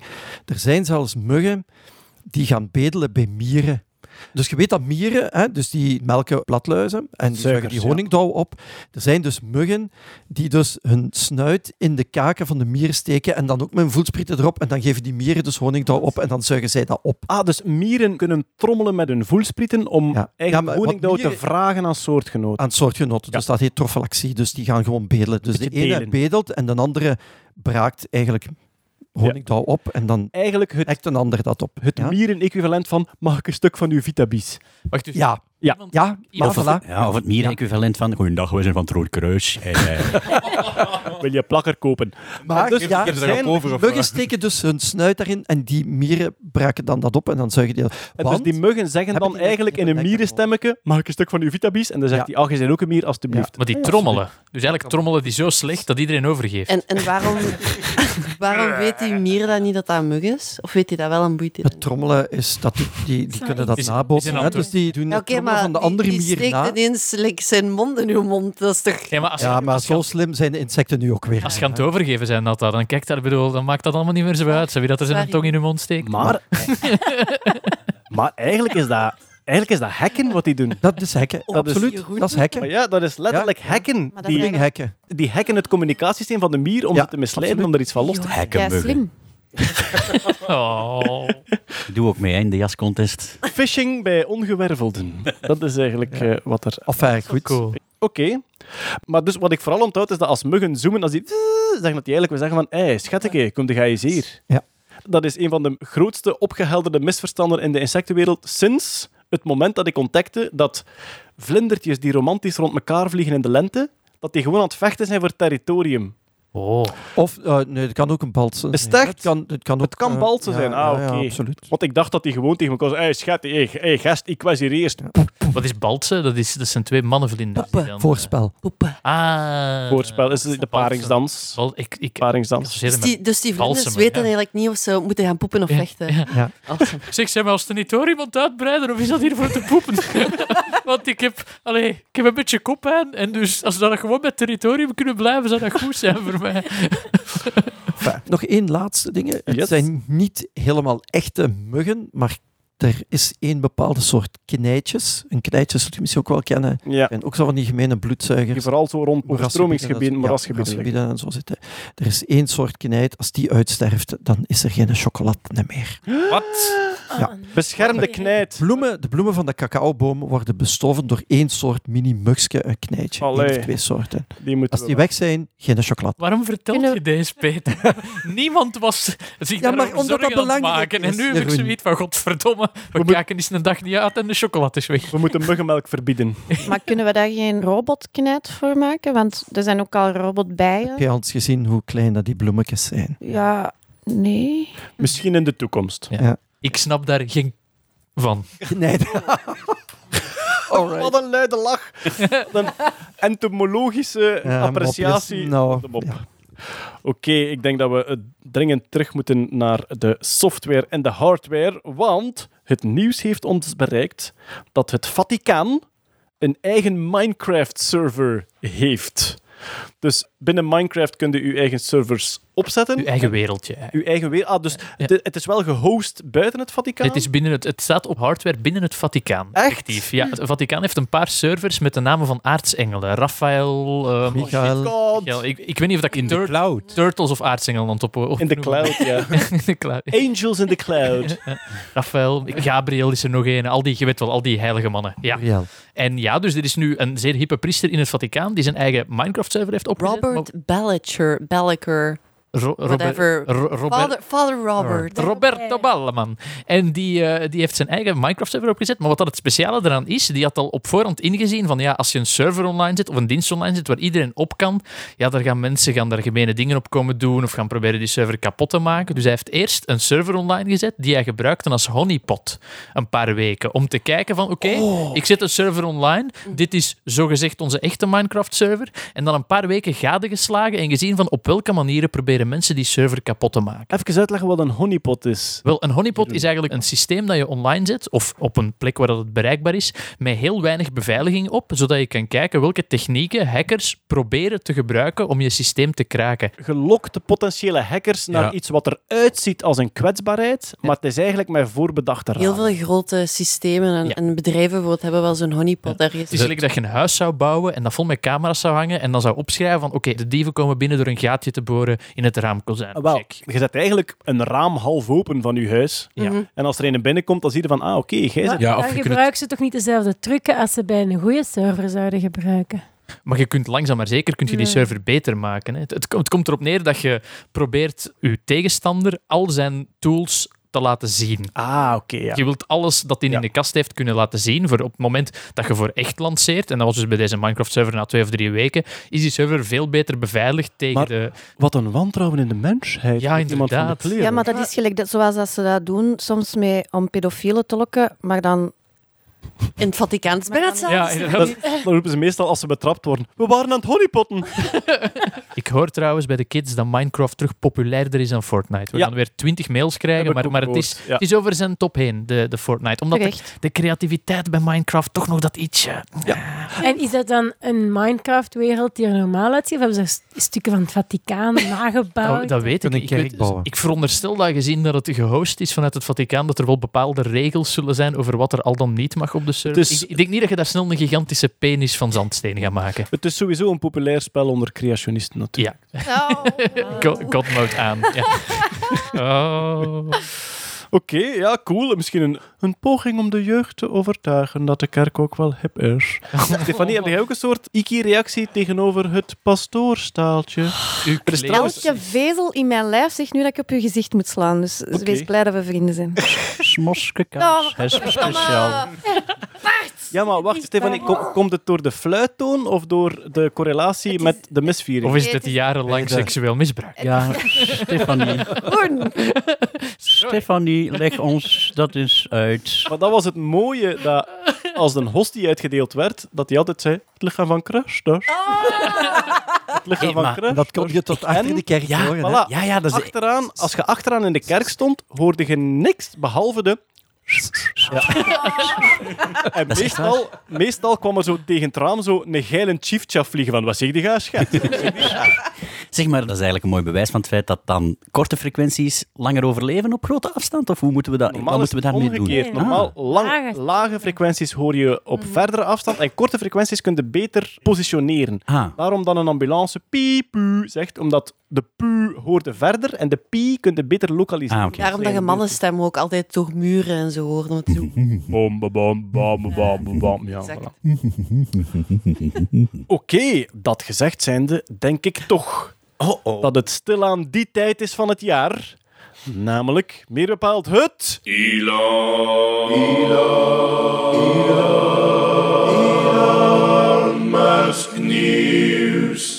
Tja, wat Musk-nieuws betreft niet heel veel deze maand. Er is een beetje aftermath, uiteraard, van de Cybertruck, waar nog heel veel heen en weer geschreven is over is het geniaal of is het idioot. Ik denk dat het meeste gezegd is. De aerodynamica schijnt wel oké te zijn. Ja, het feit dat hij zo hoekig is, geeft eigenlijk een heel groot ja, aerodynamisch voordeel volgens één onderzoeker. En dat Ah, eigenlijk ja. meer niet. Een onderzoeker met een snor en een pruik, genaamd Elon Tusk. Elon Musk, bekend uit Rick en Morty. Ja, voilà. Maar dus, Is het waar? Zit er in Rick and Ja, ja, maar Musk heeft zelfs een guest appearance gedaan. Hij heeft de stemming gesproken. In de nieuwe serie? Nieuwe serie, aflevering drie of vier, denk ik, van, eh, laatste, van het vierde seizoen van eh, Rick en Morty. Trouwens, heel fijn. Ja, net uit, hè? Een paar. Week of zo, een week of twee Ja, voilà, ja. ja, oké. Rick and Morty, een heerlijke reeks. Goed, dus Cybertruck eigenlijk same same zou ik zeggen voor en tegenstanders zoals het al een tijdje gaat. Maar wat wij vorige maand vergeten zijn, in de hele Cybertruck heisa is dat er een Starship van SpaceX, een prototype, ontploft is. Hoera! Dus het feestje voor Jeroen was nog niet groot genoeg met de Cybertruck. Er is tijdens het, ik denk, tanken van zuurstof en brandstof, hè, dus vloeibare zuurstof en brandstof naar een raket, is er een bovenkant afgevlogen. En dat heeft dus de Starship-testperiode weer een beetje vertraagd. De eerste hoppertest van een paar tientallen meters was dus gelukt. En de volgende ging een paar tientallen kilometers zijn. Maar die is dus een beetje vertraagd door het feit dat er een prototype kapot is. En dit was de raket die ging gebruikt worden voor commerce? Nee, voor, waar ging deze raket voor ingezet worden in de toekomst? Starship is bedoeld om op hele lange termijn mensen naar Mars te brengen. Maar Starship zou een Niet plaats... van boven in de raket gaan zitten dus. ja, inderdaad. maar Starship zou plaats hebben voor tientallen mensen, denk ik. Hè? Ik denk dat, ja, denk dat echt zo 40, 50 mensen is die in Starship zouden kunnen plaatsvinden, misschien nog meer. En dus de eerste testen zouden rond de maan zijn dan. En dan op heel lange, allee, heel lange termijn, in Musk-time, nabije toekomst, in realiteit waarschijnlijk heel lange termijn, zou dat zijn om echt grote groepen mensen naar Mars te 100 mensen zelfs. 100 mensen in één Starship bij één lancering.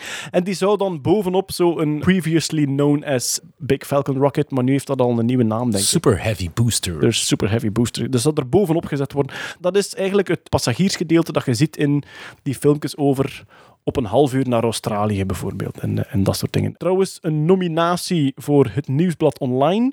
Die schreven bij dit bericht... Het ruimteschip vloog de lucht in. Oh, dat is mooi. Toen het ontploft was. Ja. inderdaad. Verder heeft Musk getweet dat Tesla de waarde van 420 dollar bereikt had. En dat heeft natuurlijk een grote symbolische functie omwille van twee redenen. Op het moment dat hij zijn achteraf gezien illegale tweet gestuurd had dat hij alle aandelen van Tesla van de beurs wilde halen voor 420 dollar. En die 420 kwam natuurlijk van 420. The hour to smoke a joint. 420 Blazem, een soort online meme over ja, het moment dat je... Niet zozeer to smoke a joint, het ging hem... Want dat heeft een hele voorgeschiedenis over. Blijkbaar middelbare schoolkinderen die gingen zoeken... Wanneer dat je school gedaan is, volgens mij. En daarna om 420 ging je joint roken. Ah, wel, maar het heeft nog een hele voorgeschiedenis van... Enfin, er wordt heel veel etymologisch onderzoek gedaan naar waar is dat ontstaan. En er zijn een paar Amerikanen die beweren... Wij hadden een vriend die een illegale wietplantage had en wij wilden die vinden. En elke dag na school om 420, hè, 4 hours 20, gingen wij daarnaar gaan zoeken. Maar ondertussen rookten wij wel al joints. En dus werd dat om een duur niet echt een zoektocht, maar gewoon wietpaffen. Don't do drugs, kids. Don't Vier- do 420 in Samoa, light them up. Maar dus, eh, ja, hij heeft getweet. Verder zonder commentaar. Het was voor één keer een redelijk subtiele tweet van Musk. 420 dollar. Ja, de landende raketten krijgen navolging. Onder andere het Chinese ruimtevaartagentschap werkt aan raketten die terug landen om hergebruikt te worden. En er is ook een nieuw bedrijf in de private space, Rocket Lab. En die willen ook werken niet zozeer met landende raketten, maar toch tenminste met herbruikbare raketten. Ja, het is een Amerikaans bedrijf inderdaad. Ik heb het heel even kort opgezocht. En het was wel een beetje grappig, want ze willen inderdaad reusable rockets maken, wat redelijk normaal is om kosten te drukken, uiteraard.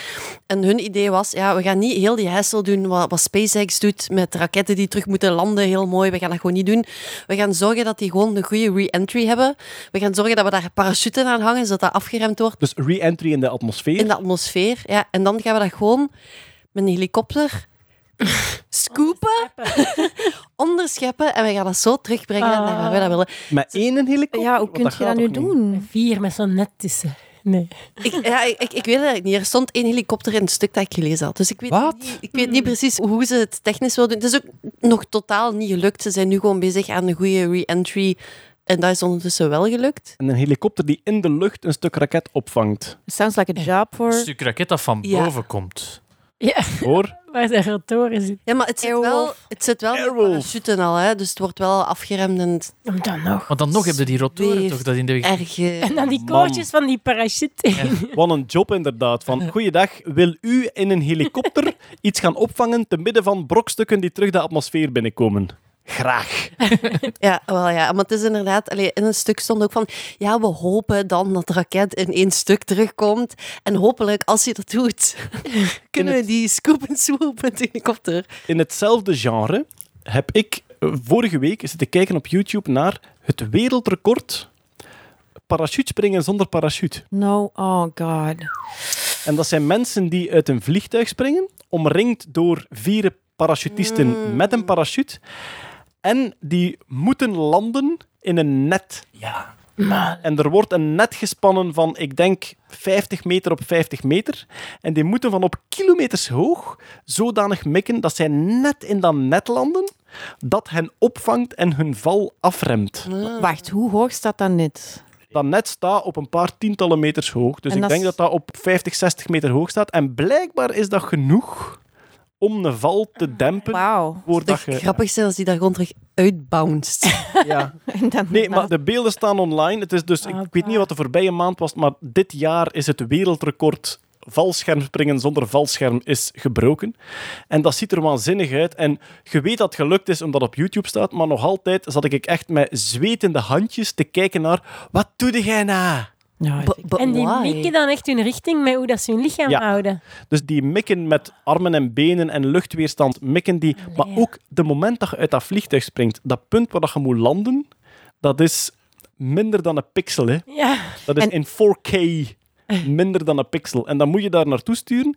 En dan moest hij nog, op het laatste moment, moest hij nog omflippen dat hij op zijn rug erin viel in plaats van op zijn buik. En hebben die dan zo van die pakjes aan? Je ziet dat soms van die basejumpers, hè? Die hebben dan zo van die badsuit. Ja, ja, die Nee, die badsuit geen een badsuit. Nee, Dus dus, zo- echt gewoon met je lichaam. Dus een bedsuit is dat er nog stof tussen Ja. je arm en je been hangt. En daar kun je zo een beetje nog mee manoeuvreren. Nee, deze is gewoon vrijval. Fucking vrijval. En dus wel vier parachutes. Er hangen vier parachutisten rond u, met als gevolg dat tot op een bepaalde hoogte kun jij nog zeggen, het gaat niet lukken, hou mij vast.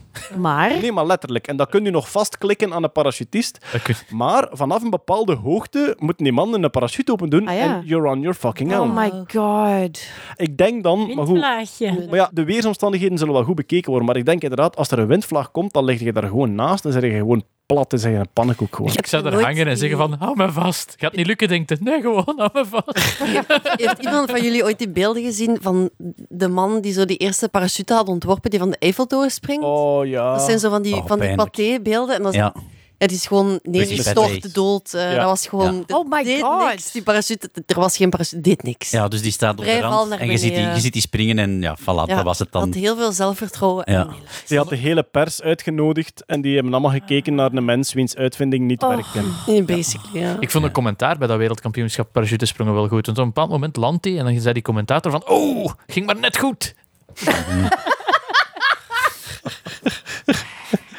Beste commentaar, inderdaad, sinds The Humanity. We gaan over naar alweer het laatste item in het Musk-nieuws, want de gorillas waren redelijk rustig de voorbije maand. Het was nieuwjaar voor iedereen. Maar dus, John McAfee gaat iets inslikken, Ja, hij gaat dit inslikken en het is niet zijn piemel. Oké? Even recapituleren. John McAfee ging normaal zijn penis opeten als bitcoin op het einde van 2020 1 miljoen dollar waard zou zijn. Vorig jaar heeft hij nog gezegd van ik ga dat zeker doen, absoluut. In september heeft hij nog gezegd als bitcoin geen 2 miljoen waard zou zijn, dan zou wiskunde zelf onzin zijn. Dus hij heeft echt wel gedoubled down dat het geen naam had. Buiten tot gisteren, dus gisteren op 5 januari 2020, zegt hij van mijn piemel opeten in 12 maanden. Nee, dat was een trucje om nieuwe gebruikers aan boord te krijgen van het Bitcoin-project. En trouwens, Bitcoin dat is oude koek. De nieuwere blockchains hebben privacy en smart contracts en distributed apps en nog 20 buzzwords daar. Bitcoin onze toekomst? Was Model T de toekomst van de automobiel?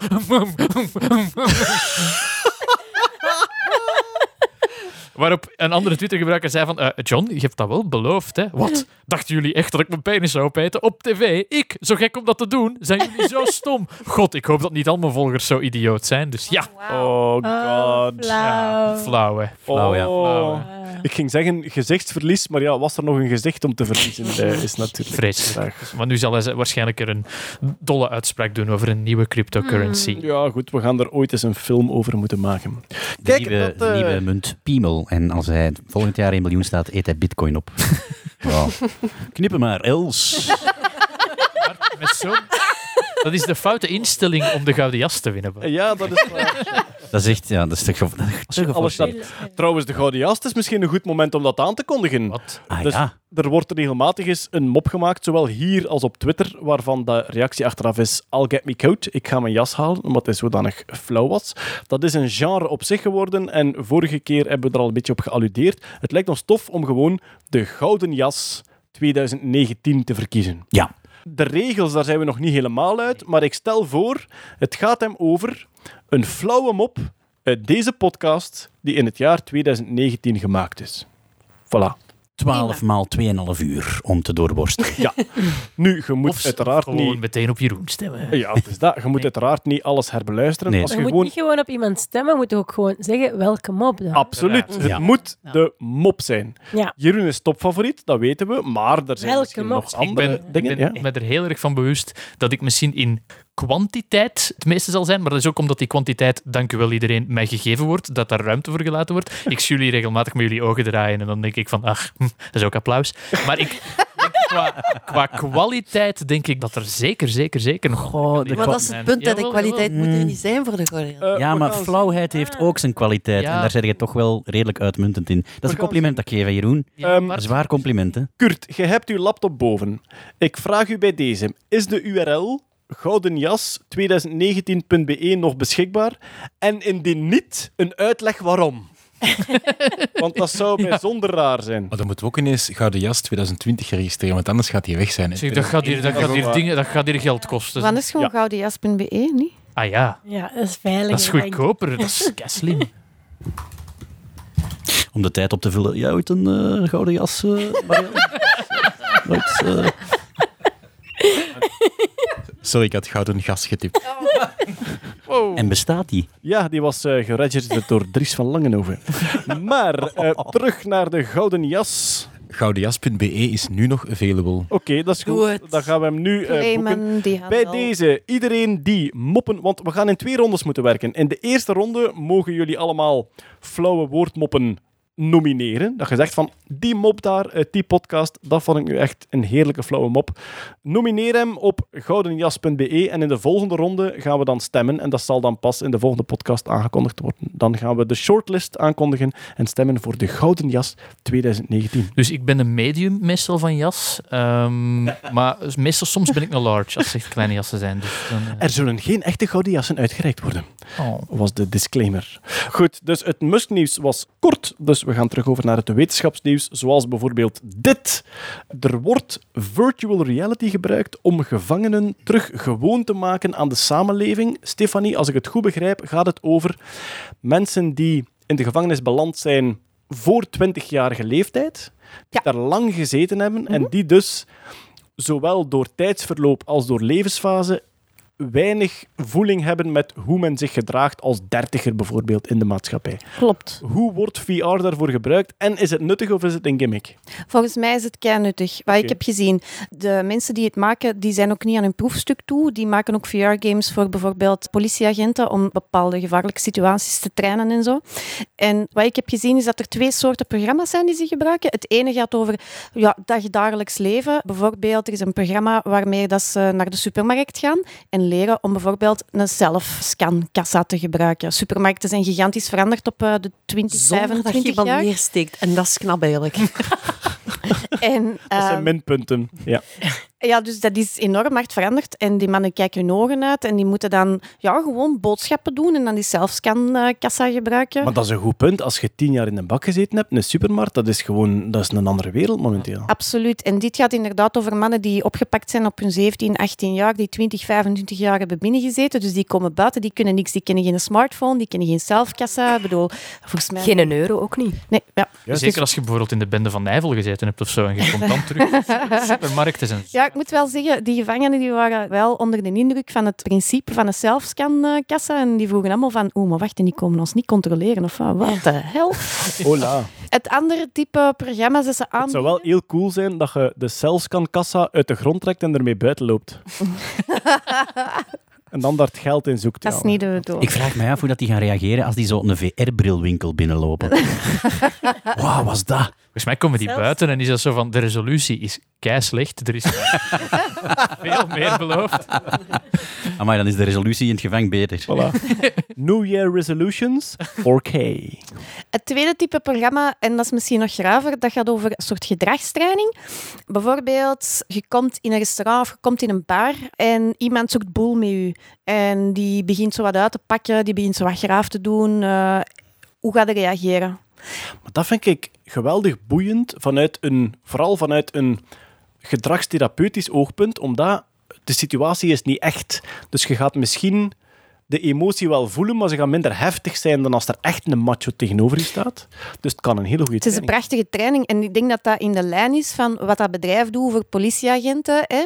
Hè, je staat daar dan ook in een interventie en er staan wat mannen graaf te doen en jij moet proberen de situatie vooral te de-escaleren en niet direct je een blaffer te trekken en, en de macho uithangen. Dus eh, ze hebben ervaring met dat soort programma's en dat lijkt mij veel efficiënter dan zo wat rollenspellen doen, want dat doen ze natuurlijk ook in de gevangenis. Hè. Maar deze is veel realistischer, denk ik.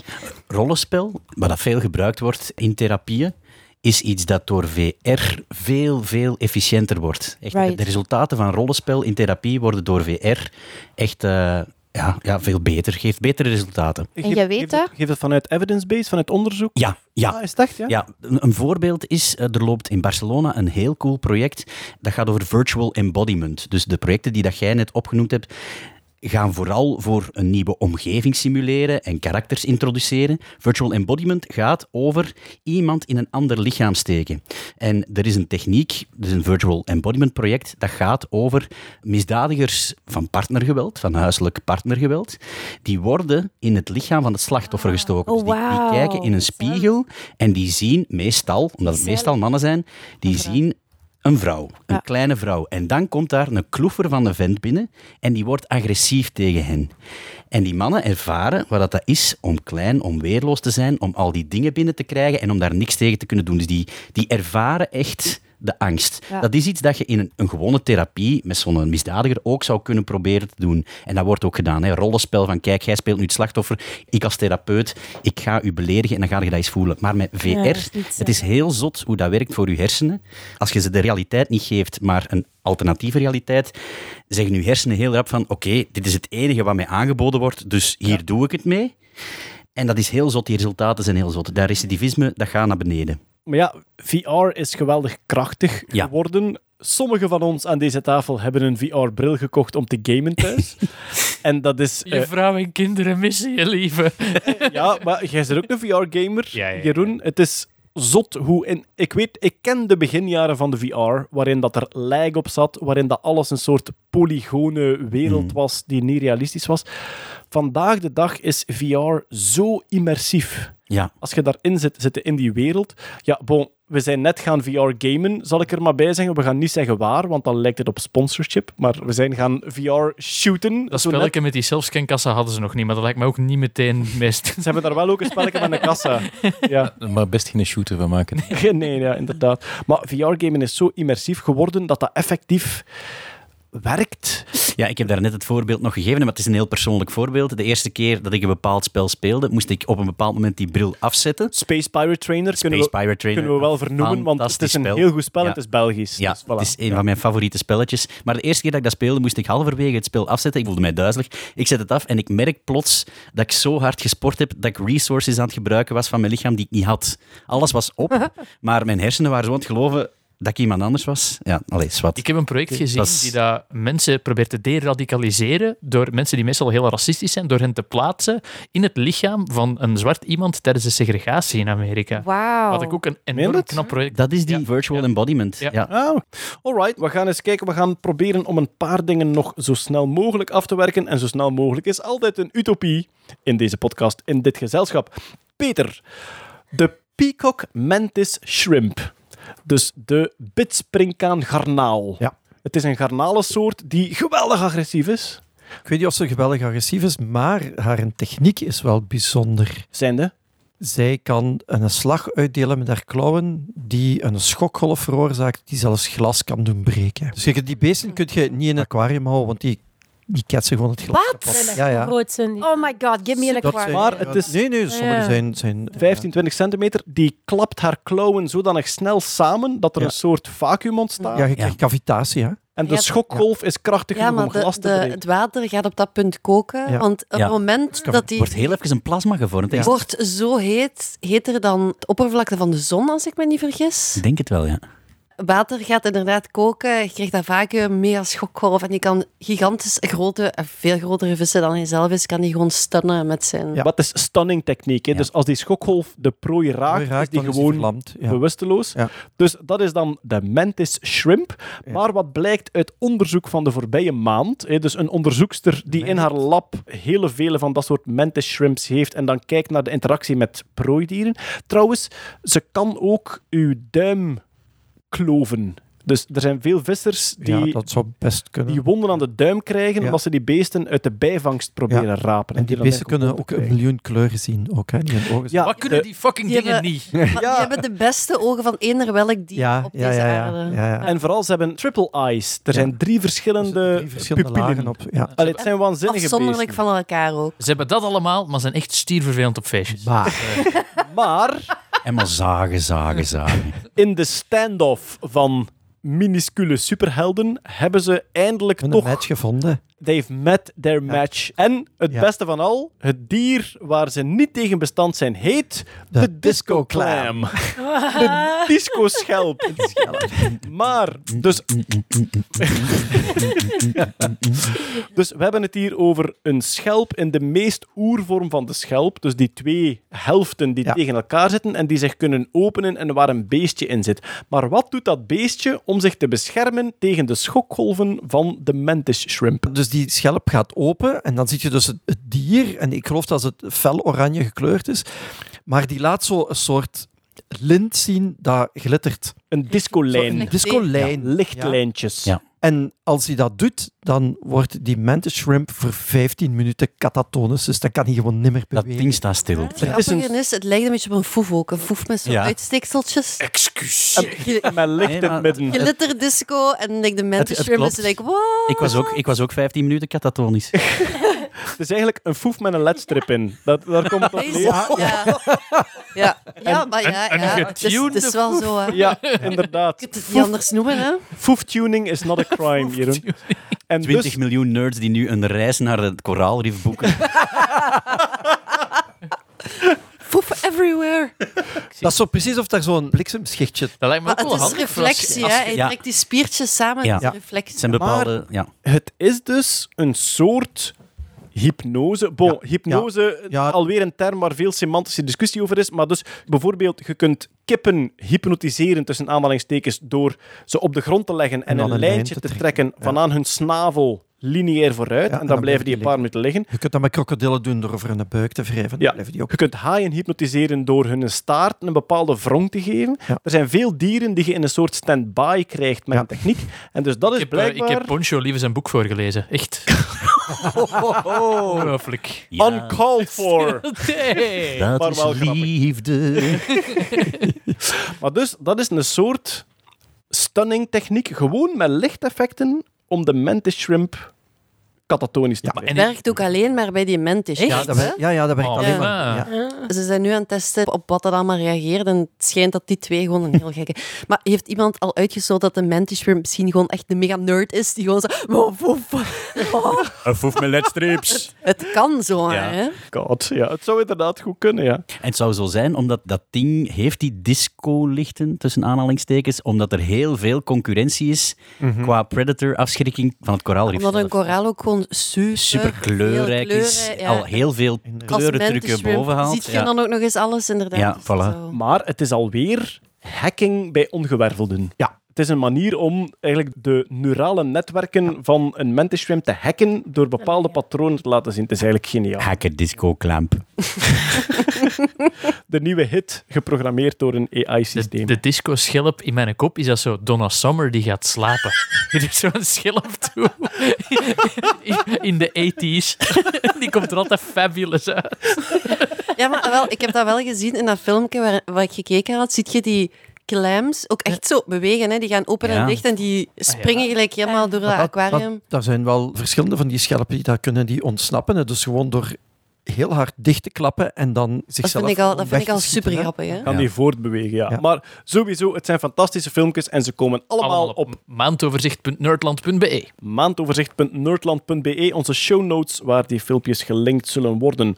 Even kort nog daarbij, ook biologie nieuws. Er worden al een tijdje steeds betere bewaarde, bevroren dieren gevonden in Siberië. Dus de permafrost is aan het smelten en het is echt spectaculair wat daaruit komt. We hadden een- Dank je, global warming. we hadden een paar maanden geleden al een wolvenkop die bijna perfect bewaard was. Er is nu, de voorbije maand, een 18.000 jaar oude puppy gevonden. Mhm. Oh. Wat is er zo spectaculair aan de puppy? Ten eerste, Hij is cute. eh, wel, ten eerste, hij is cute, maar absoluut, Bart, echt waar, hij is letterlijk Is het waar? cute. Ja. Je- Dat ding is zo goed bewaard. Als je daarnaar kijkt, denk je, oh, slaap.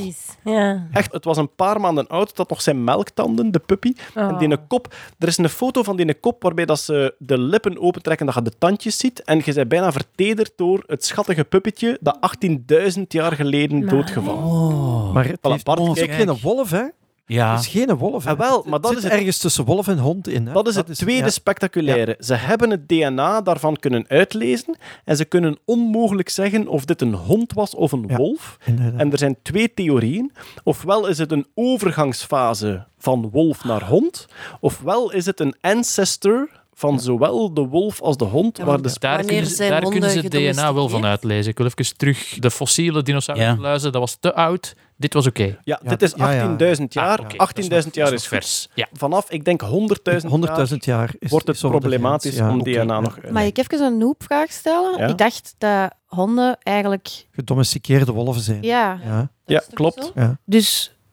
ja, ja, er is geen een voorouder van. Maar we weten toch wanneer die. Maar, gedomesticeerd maar zijn? Het kan een aanverwant zijn Ja. van een wolf, die dan ja, al dan niet misschien ook in dat proces van domesticatie zat. Ah, oké. Trouwens, wat dat weten ze niet. Ja. Wat dat betreft ga ik even een boekentip geven. Tamed, of dus getemd. Ik denk niet dat hij vertaald is, maar Tamed is een boek dat ik recent gelezen heb. En dat gaat over tien dieren- en plantensoorten die gedomesticeerd zijn. Onder andere rijst, mais, paarden, honden enzovoort. Alice Roberts. En wat ik zo goed vind aan dat boek, en dat vind ik altijd goed in wetenschapscommunicatie, is dat er heel veel onzekerheid expliciet vernoemd wordt. Mhm. Er wordt heel vaak gezegd, we denken nu dat. We zijn nog niet zeker. Vroeger dachten we dat. Maar het geeft een prachtig beeld van hoe dat planten- en dierensoorten eigenlijk genetisch hervormd zijn door selectie door de mens.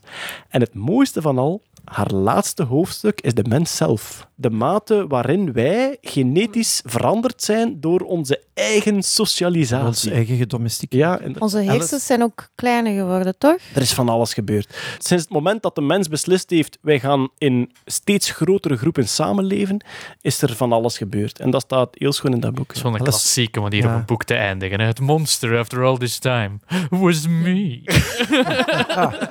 Alice Roberts maakt ook heel goede documentaires voor de BBC. Hè, over Ah, dat is de juist. geschiedenis Ja, van de klopt, mens. ah, Ja. Romeinen, Kelten, en heel veel rond de Kelten in Groot-Brittannië. Ik ga nog één ding toevoegen aan het DNA van de oude puppy, namelijk mammoet-DNA. We hebben het er vaak over gehad. Hè? Dus er worden steeds betere karkassen van mammoeten gevonden waar ook DNA in zit. Wat is er nu gebeurd de voorbije maanden? Het beste centrum om cloning van zoogdieren te doen staat, ja, eentje staat in de USA, het andere staat in Zuid-Korea. Waar je ook je hond en je kat kunt laten klonen voor veel te veel geld, bijvoorbeeld. Wat is er gebeurd? Vorig jaar is er in Siberië een heel goed mammoetenskelet gevonden. Wat bleek? De administratie om dat DNA tot in Zuid-Korea te krijgen duurde een jaar. Dus wat heeft dat bedrijf nu beslist deze zomer? Ze zijn nu bezig met het bouwen van een nieuwe facility in Yakutsk, dus in Siberië zelf. En de bedoeling is, als er nog eens een mammoet gevonden wordt die zo goed bewaard is, dat die eigenlijk binnen de week geanalyseerd wordt wat de kans op een kloon van de mammoet gigantisch zou verhogen. Nu hoop ik keihard dat die volgende mammoet gevonden wordt ergens in de sneeuw in Hongkong. In Zwitserland, Ja. naast Utsi. Verdomme. We gaan over naar het volgende onderwerp, want SpaceX heeft al een test gedaan met zijn Crew Capsule. Hè, dus de bemande capsule die naar het ISS zou kunnen gaan en terug. Maar Boeing heeft ook een test gedaan met een Crew Capsule. Boeing en SpaceX worden een beetje tegen elkaar uitgespeeld als de twee private partners van NASA. Natta, hoe is die test verlopen? Ik denk dat de eerste lancering uitgesteld geweest is. Het is al een paar keer inderdaad uitgesteld zoals dat gaat als je nieuwe raketten of ruimtecapsules ontwerpt en gaat testen. Deze heet trouwens de Starliner van Boeing. En die is inderdaad, ehm, nu in december is die getest onbemand. Misschien even kort over de Starliner zelf. Het is ontwikkeld om compatibel te zijn met verschillende raketten. Al in de eerste plaats, zij moet ook reusable zijn. Je moet tien vluchten kunnen doen. Dus die capsule wordt bovenop een stuurraket gezet Ja, en die moet klopt. compatibel zijn met verschillende Ja, soorten hij is, hij is compatibel met de Atlas V en zal in de toekomst ook met de Falcon 9 en de Vulcan. Dus Boeing maakt zijn capsule Ja. compatibel met SpaceX, een Ja, concurrent klopt. eigenlijk. Ja. Oké, ja, boeiend. Ja. Ehm, Lesje voor Apple. Hij kan... hij zou ook automatisch moeten kunnen dokken. Hij koppelt aan met USB-C, heb ik gehoord. Toch? De capsule. Ja. Dus dat is wel mooi en tien keer gebruikt worden inderdaad. En in december hebben ze hem dan getest. Nu, de test is niet volledig geslaagd, want ze gingen een onbemande testvlucht doen tot aan het ISS, waar die automatisch ging dokken en dan terug naar beneden zou komen en all would be fine. Nu, hij is niet tot daar geraakt, om de simpele reden dat de interne klok van de Starliner niet helemaal goed liep. En het moment dat hij Hij eigenlijk... stond nog in zomertijd. Ja, het, het zou iets zijn met het feit dat hij de tijd van de raket heeft overgenomen en dat zou 11 uur verschil zijn op wat de echte tijd was, et cetera, et cetera. Alleszins, hij was geprogrammeerd om een bepaald tijdstip een boost te geven. Hij heeft dat niet gedaan, dus hij ging no way ooit tot het ISS zijn geraakt. Dus ze hebben dan gezegd, oké, we gaan die mooi terug laten landen, wat eigenlijk ook wel eens cool is, want ja, in de ruimtevaart loopt zoveel fout. Mhm. Dus het is wel knap dat ze die gewoon mooi hebben Ah, een re-entry kunnen laten doen. Dat is allemaal volledig gelukt. Hij landt trouwens eigenlijk op airbags, wat wel grappig is. Dus hij heeft parachutes waarmee zijn vlucht wordt afgeremd, maar hij landt eigenlijk op een airbag. Hij botst echt op de grond. Ja, hij botst even. Wauw. Ja. Maar dan blijft Ja. hij toch nog staan. Want je zou denken, bots, bots, bots. Ja, je zal gewoon... Ja, een airbag botst Ah eigenlijk dan- ook niet echt. Hè. Moet Dat, dat Nee, maar dan gaat die, die lucht er waarschijnlijk uit, zodat hij dan terug stabiel Moet er een kerel achteraan met een net. Trouwens, de Marslander voor de Curiosity is ook op die manier geland. Dus Curiosity is geland met die fantastische Skycrane. Dus echt zo'n soort ruimteschip dat met retroboosters Mhm. een paar tientallen meter boven de grond hangt en dan met een kabel de Curiosity naar beneden gelaten heeft.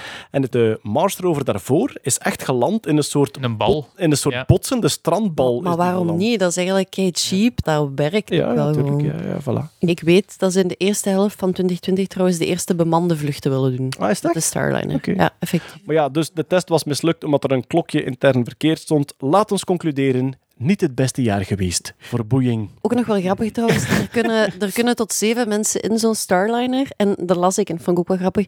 Er is één specifieke tourist seat. En dan vraag ik mij af, Hola. Zou dat dan een raametje zijn? Zodat die, dat die Nee, nee, ik denk zo'n schermpje met Netflix in het zijde. Dat is, die, dat is die Pipo die ze aan het vliegtuig vragen van als je op deze rij zit, dan moet je sterk genoeg zijn om deze hendel te kunnen overhalen. Dat, Dat is waarschijnlijk hoe ze de ene die applaudisseren als ze zijn gedokt. Voetruimte, voetruimte. Oké, maar ja, dus ook de geprivatiseerde ruimtevaart gaat steeds Absoluut. verder. We gaan naar de quantumcomputers, want Marian, ook Rusland wil zich mengen in de race naar quantumcomputers. De plekken die ik ken momenteel die bezig zijn met quantumcomputing zijn IBM, Google en in Delft in Nederland wordt er heel hard gewerkt ook aan quantumcomputers. Ja, ook in eh, China zijn er een aantal bedrijven, zoals Baidu en zo, ook al wel stilletjes aan mee bezig. Oké. Maar in Rusland was het inderdaad heel, heel stil.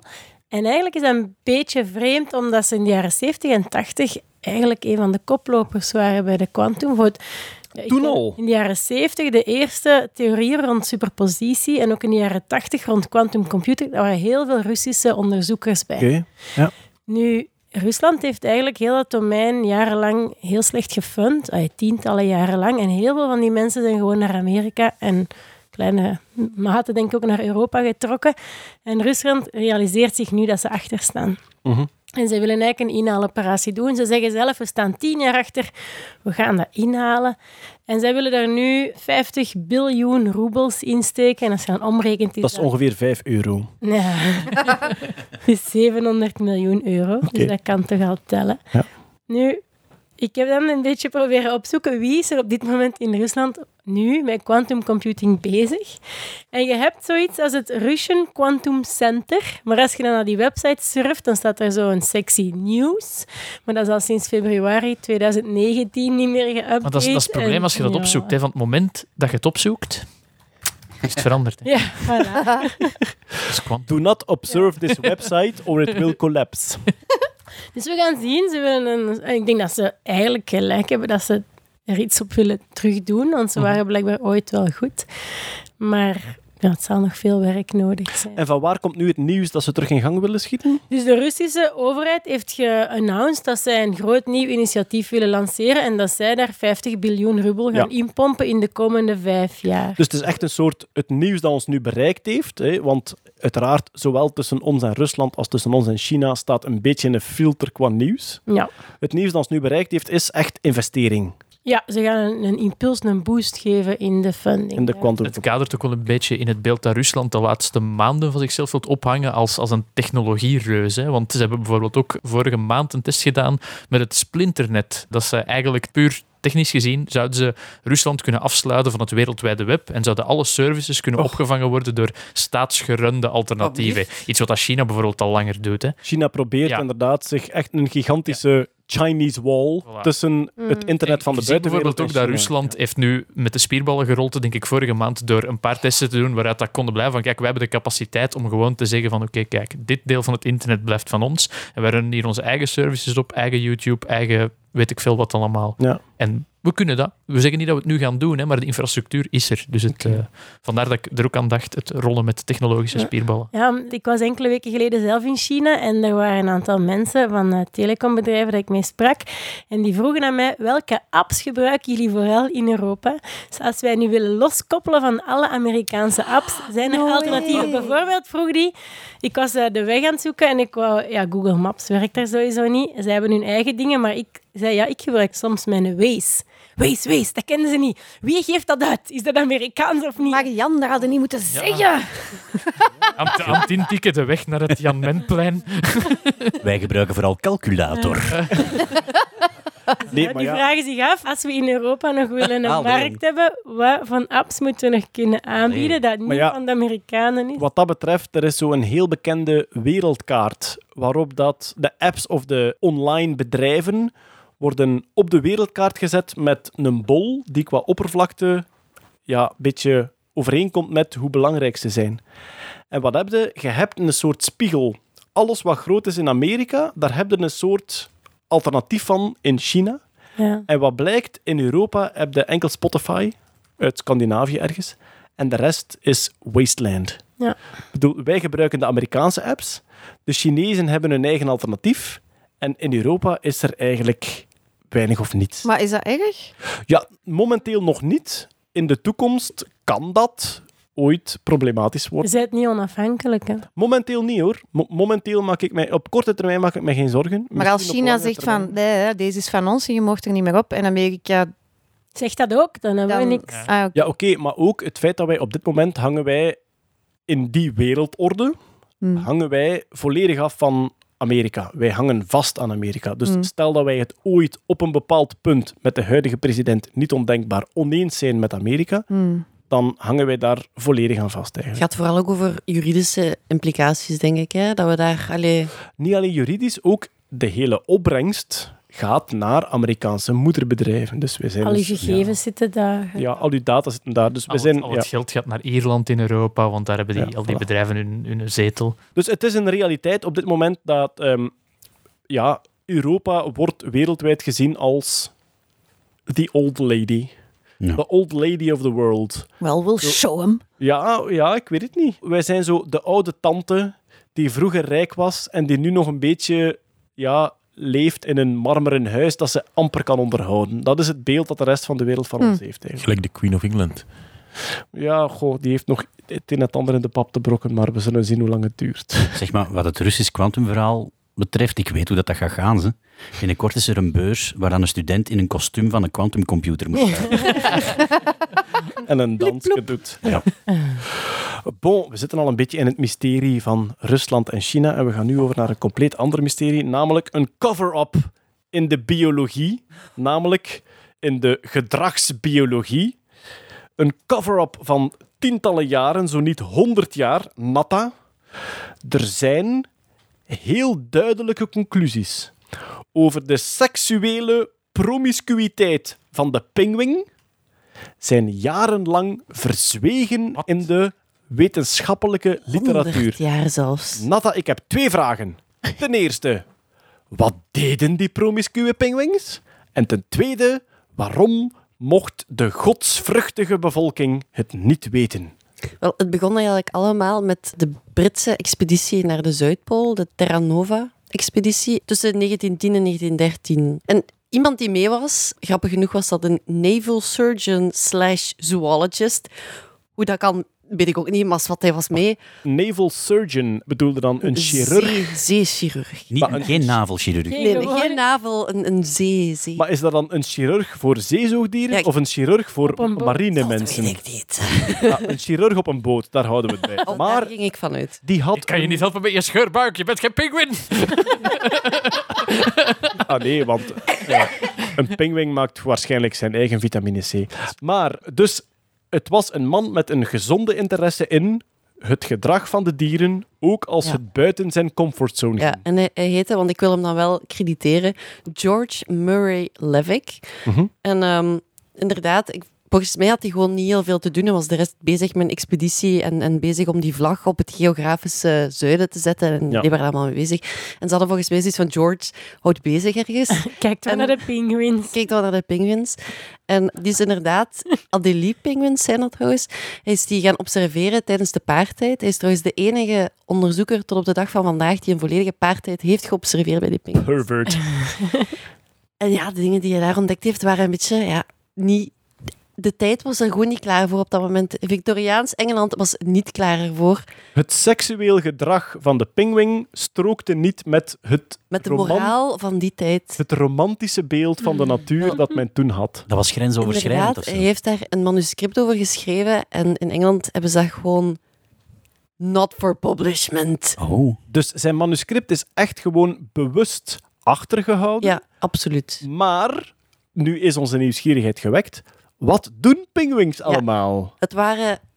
Allee, ik heb het gelezen en het is een beetje chockerend wel. Oei, Brace als impact. het was, oké, misschien niet zo chockerend. Was, pinguïns zijn soms ook homo's, dat is niet chockerend. Excuseer. Ja, ja. Dus same-sex intercourse, Ja. zoals bij vele diersoorten, is bij pinguïns ook... super normaal. Wat doen ze nu nog? Prostitutie. Overspel. Ja. Overspel. Oh, wacht, wacht, wacht, wacht, wacht. Prostitutie bij de pinguïns. Hoe? Ja. Prostitutie. Het, Een is, visken of zo, hè? het was een item... Steentjes en zo. hè. Ja, het was een item in een Scheire en de Schepping Ja, aflevering. Dus wat gebeurt er? Een pinguïn moet een nest bouwen. Er zijn geen planten en geen takken in de buurt. Waarmee bouwt een pinguïn zijn nest? Met steentjes. Mhm. Steentjes zijn heel zeldzaam. Wat doet de vrouwelijke pinguïn? Zij paart met haar echtgenoot. Vervolgens bouwt zij een nest van steentjes. De echtgenoot gaat vis gaan vangen. Ondertussen denkt zij, ik heb nog steentjes nodig. Ik ga eens vragen aan de buurman als ik hem poep of ik geen steentjes krijg van hem. En die hebben seks voor steentjes. Prostitutie. Prostitutie. Prostitutie. Oké. Maar dus, het lijstje was nog niet gedaan, hè? Ga, Prostitutie, ga vooral verder. overspel, necrofilie. Necrofilie ook, ja. Oh, ja, mannetjes die, met dode vrouwtjes gaan poepen. En omgekeerd? Ja. Nee. En dan Ja, kwaad zijn ver- verkrachtingen. Het gebeurt allemaal zo. Verkrachtingen. Dus dat, Ja, dat, ook, is, ja. dat is echt hashtag... Dus, Oké, Pingu slaapt deze nacht niet. Dus eigenlijk, alles wat min of meer een kostuum aan heeft, moeten we wantrouwen in de seksuele wereld. ru- ru- ruige rakkers, die Als die, als Ja. die man al doorheeft, hier is overspel, dan moet hij echt maandenlang... Ah, dat is de chef en Janneke, en die is getrouwd met de die, maar die... Ja. Die Heel vent, die die vent relatie komt terug die met die vissen. Ja, Was dat, was dat thuis hier nu niet? Ja. die staat plots een bovenbouw op. Ja. En die veranda, van waar komt die? Dus wat heeft die van ons liggen doen? Geen steentjes te veel, dat kan niet kloppen. De les is, als je als man je huis verlaat, tel de bakstenen. Eh, absoluut. Ja, Ja. daar komt het Het is op neer. trouwens uitgekomen omdat een onderzoeker 100 jaar later effectief een on- onderzoek aan het doen was naar seksualiteit bij die pinguïn. Ook een beetje raar eigenlijk dat je daar je onderzoek over doet, maar wat. Wat? Zult daar niet verder op in gaan. Onderzoek naar het Ja, maar ja, die moest de, wat is de poll in doog houden, of wat moest hij doen? Maar Ja. toch ook weer een ode aan de nerds. Marian, zoals gezegd, bedoel, je zit daar met een hele hoop mannen die voornamelijk een expeditie willen doen, die avonturiers zijn. Sommigen die waarschijnlijk nationalisten zijn, die hun eigen vlag op de Zuidpool willen zetten. En dan is daar één aan boord. En die mannen komen terug van een reis over het ijs en van de visvangst en gelijk wat. En die begint, zeg, moet het nu wat weten? Dus ik heb die in ene pinguïn getagd en dat was Mariette. En die heeft dan op een bepaald moment gevogeld met de Jos, maar de Jos was eigenlijk een vent niet, want de Nog, nog grappiger, George van de Penguins, die wat dat onderzocht heeft, is de enige die de expeditie heeft overleefd. Ik wil niks zeggen, maar ja, ja effectief. Al die andere data, Power to the nerds. Nu, het schijnt wel dat hij 15 pinguïns gepoept heeft voor extra proviant. Maar daar is verder... die is teruggekomen met een boot vol stenen en al die andere bemanning is weg. Het me nog altijd dat dat de chirurg was. Dat die andere mannen terugkomen met zo armen en benen dat eraf liggen. Van snel, doe iets. Nee, nee, nee, nee, wacht. Dat was waarschijnlijk een psychopaat. hey, als ik een cloaca-vinger, kun jij dienen dan mollen? En dan heeft hij het is, het eigenlijk dus effectief uitgekomen omdat iemand anders dat ging onderzoeken en die dacht van, oh, maar ik ben de eerste die weet wat voor vieze jongens die pinguïns zijn. Die is dat gaan onderzoeken en ineens kwam die op dat manuscript en dacht hij, fuck, 100 jaar geleden. Damn you, George. Damn Oké, you. we gaan eindigen met een serie van shout-outs. Namelijk naar... De nieuwe reeks van Doctor Who is net begonnen. En ik ben zelf een Doctor Who-fan, maar ik heb nog niet kunnen kijken. Gelukkig zit er iemand naast mij die niet alleen de knoppen en de geluidskwaliteit bedient, maar ook nog eens een talk-knop heeft. En dus nu kan zeggen waarom de nieuwe reeks van Doctor Who dik in orde is, Els Aerts. The Doctor is back. Het is toch terug goed geworden. Zeg, maar om te beginnen, voor de Doctor Who-fans, wat vond je van de eerste reeks van Jodie Whittaker? Ik vind Jodie heel tof. Mhm. Ik vind haar kleren ook heel tof. en dat was het belangrijkste wat ik tof vond aan de vorige reeks. Maar er was echt wel... ik had een indruk dat er in de Whovians, want zo noemen ze eh, wij, zal ik zeggen zelfs, wij meelaatsen, zo noemen wij onszelf dan. Binnen de Whovians was er wel echt enthousiasme over... Er is altijd enthousiasme over de start van een nieuwe reeks, maar nu werd er echt wel gezegd van, oeh, dit is wel goed. Ja, we misten verhalen in de vorige reeks. Zo de typische Doctor Who verhaalbogen. Er Ja. wordt iets gepland en heel seizoen gaat dat mee. En je, je kunt denken van hoe gaat dat lopen en hoe gaat het zich on- ontwikkelen en teruggrijpen naar dingen uit de jaren 70 en uit de jaren 60. En, zo. Oh, en dat kan nu terug. oké. Dat is helemaal terug. Alright. Dus een grote aanrader. De nieuwe reeks Doctor Who is net gestart op BBC. En ja, vanaf nu kunt je die... Want meestal bij Doctor Who kunt je wel inpikken. Hè. Er zijn soms zinnen die gezegd worden dat je denkt van oei, dat is een referentie die ik niet ken. Maar je kunt meestal wel inpikken vanaf een nieuwe aflevering. Ja, ja, ik denk wel dat je kan volgen. Ja, Voilà. Elke zondagavond op BBC is het. Hè? ja, ja Voilà. eh, vijf voor acht dacht ik. Voilà, kijk, zeg, voilà. de nieuwe BBC Doctor Who-reeks is gestart. Maar nu dat we toch in het thema fandom zitten, er is ook grote anticipatie. En ik zie nu al de twinkel in de ogen van Bart en Stefanie. Er komt een nieuwe Star Trek-reeks. En er is Ja. een comeback van Captain Picard. Meer zelfs de serie heet Picard. Dus Is het gaat echt over hem. Wat is er gebeurd met Captain Picard na die events van de laatste aflevering van eh, The Next Generation, Stefanie? Ja, dat zal dan wel. Hè? Ja. Waarschijnlijk. En dus Picard gespeeld door Patrick. Patrick Stewart. Hij, Ja. hij is wel een, een pakje ouder, denk ik. Ik denk dat hij eerst tot tien Ja, er jaar zal wel op, van alles- lijn gaat. Ik, ik denk dat ze een beetje de echte veroudering van de man ingecalculeerd Ja, hebben. ja, ja. Patrick Stewart, trouwens, in het echte leven dikke vriendjes met Sir Ian McKellen. Yes. Ja, Die, omdat ze alle die- twee... Ja, ook. Ze hebben Ook, Die Gandalf speelt. pinguïns eigenlijk, technisch gezien. Hoe dat? Stenen uitwisselen. Alle twee pinguïns, technisch gezien. Dat we gehoord hebben over pinguïns. Ja, ja, ja, inderdaad. Nee, ze hebben ook zij aan zij gespeeld in die X-Men, hè, als Charles Xavier en eh, Magneto. Maar waarschijnlijk qua bromance, hè, qua zo vriendenkoppel, toch een van de meest legendarische nerd-fandom-koppels die er zijn op deze Ja, aarde. waarschijnlijk. Ja. Absoluut, Maar- maar, daar gaat het nu niet over. Nee, het gaat over. Jean-Luc Picard. Ja. En dat is de beste kapitein die er ooit is geweest. En Start the nerd fight. Nu gaan de reacties komen Catherine natuurlijk. Janeway. Nee, nee, nee. Ik bedoel, die was ook te cool. Maar nee, nee. Ik bedoel, als je nu kunt kiezen met wie dat je zou meevliegen, dan gaat het toch voor Picard. Natuurlijk. Ja, nee, dat Ja. gaat voor David Tennant, denk ik. van Star Trek. Mannetjes, het, het, het, fijne, pay attention. Hans. het fijne aan Patrick Stewart was, denk ik, dat dat een acteur was die kwam van de bühne, hè? of die kwam van het Ja, toneel. Van theater. Van het theater. En dus die bracht voor de eerste keer wel een meer dan middelmatige acteerprestatie in Star Trek. Allee, je kunt van Kirk ook zeggen, maar dat was een rol die misschien iets simplistischer in elkaar zat.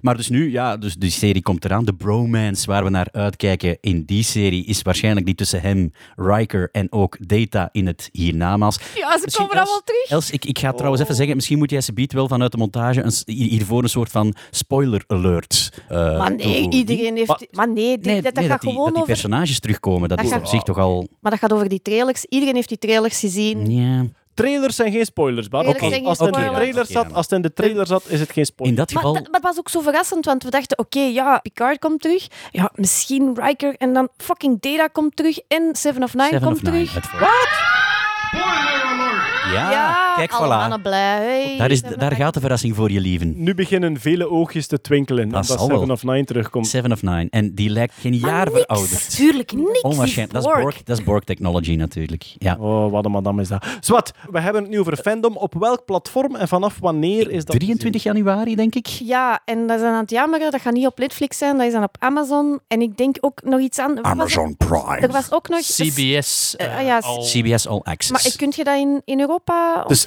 Jeff Bezos heeft het gepikt. Ah Ja, maar dat hebben wij vorig jaar op de Sound of Science gezegd. Ah ja, dat is dat was Ja, aan en bla. Niet alleen die Expanse, maar ook nog ja, dat is zijn tweede nerd move al But eigenlijk. it doesn't matter. Jean-Luc Picard is back. En ik weet dat ze zeggen, je mocht je verwachtingen niet te hoog stellen. Mhm. Maar fuck it, deze wordt het beste ooit. Oké, hou u klaar voor de teleurstelling over vijf podcasts. Maar eh, eh, gewoon heel kort qua fandom. Dus Els en ik zitten een beetje in Doctor Who. Zijn er nog Doctor Who mensen rond de tafel? Een beetje Natta, maar niet echt. Een beetje Marianne, maar ja, niet echt. eh, niet echt. En dus we hebben bij Star Trek hebben we Bart en Stefanie als Yep. de echte... da- Oeh, eh, oeh, kijk. Peter Ik ben Berks. Niet zo hardcore Oh. als zij, maar wel, jawel. Ja. En Natta ook. Ook wel Ja. een trackie. Oh, Ja, welkom in de club. En dan de gevaarlijke vraag, maar ik moet ze toch stellen. Star Wars? Hey. Nee. Jeroen Bah, Baart. Bah, bah, ik sta Ja, maar- hier weer alleen, of wat? Jeroen Baart, Musk, Skepsis en Star Wars. ik ook, Star Wars. Stefanie, Star Trek en Star Je Wars in één Ik persoon. kies één van de Nee, twee. Ik ga u het antwoord geven op het eeuwenoude... Trek versus Wars vraag. Ja, voilà, inderdaad.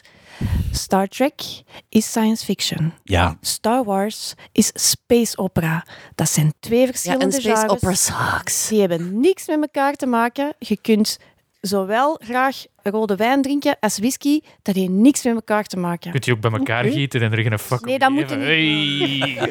Het is een, een bouwde stelling, maar ook een unieke stelling. Ik vind, Dat is eh, zeker niet uniek. Is dat Nee, is het echt? Ik weet niet. mi- Misschien, ja, bon, Jeroen beheert onze mailbox. Ik wil hem niet op extra werk jagen. Kom, maar dus kom at me, kom at me, Mensen boys. die zowel Star Trek als Star Wars kunnen uit elkaar houden, alle twee appreciëren zonder de stammenoorlog. Ja, ik ben een Star Trek fan, hardcore, maar ik kan ook die Star Wars films appreciëren waarin dat er iemand met een anger management problem en een coole helm een gigantisch superwapen ter beschikking krijgt. Wacht, welke film is dat? Ah, dat zijn ze allemaal, denk ik. Oh, burn. Ik ga, ik ga eerlijk zijn, ik heb Star Trek nooit een deftige kans gegeven, omdat het zo'n impenetrabele hoop reeksen was. Op het moment dat ik eraan wou beginnen, dat het moeilijk een startpunt te kiezen. Dat is waar, instappen Ja, bedoel, allee, ja. Dan moet je gewoon beginnen bij de enigste reeks die ertoe doet. En dat is The Next Generation. Ja, ja, en also de films. En dan vraag ik het aan iemand Nee, anders de en dan krijg ik weer tien andere dingen. Nee, niet de- de films. Laat de- de films, laat de films voor... The Next Generation is The Trial Never Ended. Zie je? Ja, dat is de Next Generation. ja. we zijn er al God. over discussie. we Maar zijn er al lieve, over ja, je, discussiëren. je Ja. hebt het over de saaiste Bij aflevering. Star Wars de is duidelijk. Ja. De prequels vergeten we. Begin bij de originele Star Wars. Klaar. Je zit er door op een namiddag. Je ze mee. We gaan het hoofdstuk fandom hier afronden voordat Dat is we... nu de eerste keer dat wij ruzie maken. Dit, Oh. dit, Alle wordt, goede koppels maken ruzie, hè? dit wordt een soort Frank en Simonneke uit thuis van Nerdland. Dat wordt het fandom hoofdstuk. Godverdomme, met zijn Star Wars. Wat heb jij tegen Star Trek? Ons verhalen zijn echt veel beter. Space opera, poepje. Oh. Oké, we gaan eens kijken. We hebben nog een paar shout-outs. Onder andere onze recalls. Laat ons dat Ja. niet vergeten. We hadden het vorige keer over de laserhack. Dus je kunt een home speaker, dus een smart speaker, die hier ook hangt in de studio, maar we gaan hem niet pesten deze week. Dus een home speaker die reageert op wat je vraagt. Wat, zou je je zoals, wat zou je kunnen zeggen tegen die spiegel om op jou te kunnen doen reageren, lieve? Allerlei dingen die we nu niet... Oké, Google, we gaan niet reageren. Heb je hem afgezet, Els? Nee? Oké, Google. Turn the lights off. Maar De lichten zijn nu uit. Ja, Eh. voilà, oké. Maar dus, hoe dat precies werkt, we hebben een beetje geworsteld met, om dat uit te leggen, want dat is redelijk ingewikkeld. Maar er is een filmpje online gekomen dat de volledige werking daarvan uitlegt. Hoe heet het? Haha, het staat in de show notes van vorige maand. Ah. Ik, eh, er hebben veel mensen ons dat filmpje gemaild. Het is van Everyday, een YouTube-channel met de naam Everyday. Het, het, het ontgaat me even. Smarter Everyday? Nee. Eh, het kan. Smarter Everyday, echt waar? Ja? Ik weet het niet. Ja, dat is, kent je het YouTube-kanaal Ja, Smarter? Smarter Everyday is een fantastisch Is het be- YouTube-kanaal. ja, een, een van de beste fysica populariserende... Algemeen wetenschappelijk. Ja. Eh, goed, ja, de kerel is... Ja, een- het is Smarter Everyday. Eh, Smarter Everyday is een fantastisch kanaal. Absoluut. Maar dus op Smarter Everyday staat er een uitleg over hoe dat je via een laserstraal de elektronica in een smart speaker kunt hacken. Oké, dat moeten we dan zeker bekijken.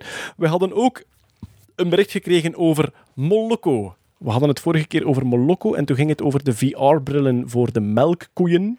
En de melkkoeien in Rusland, het bedrijf daarvan had Moloko in de naam, omdat Moloko niet eenmaal Russisch is voor melk. Wat bleek? We moeten zeggen Molako. Er werd ons gemeld Molako. En ja, dat is ons gemaild, dat de uitspraak Molako is. En ik geef gewoon even een gouden tip. Mensen die ooit de uitspraak van een woord willen checken in gelijk welke taal, ga naar forvo.com. Forvo. Farvo. Forvo. Farvo. Fok oef, Bart. Eh, Forvo.com, F-O-R-V-O.com.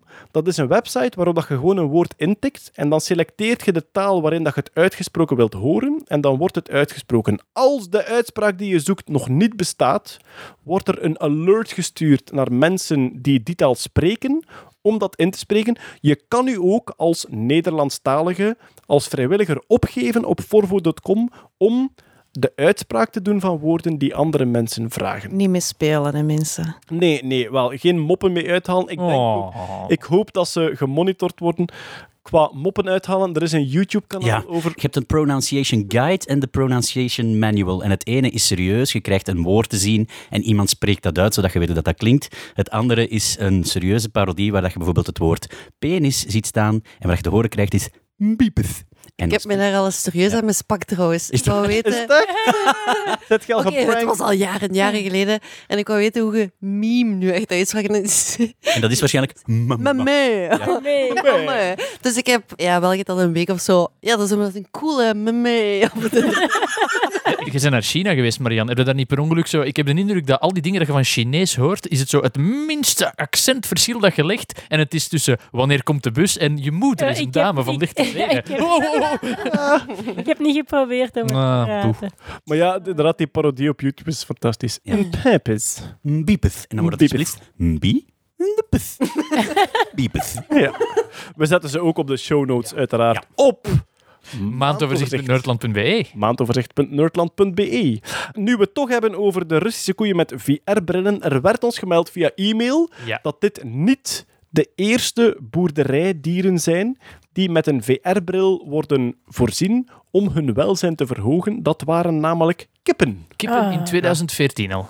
En het ziet er enorm, enorm belachelijk uit.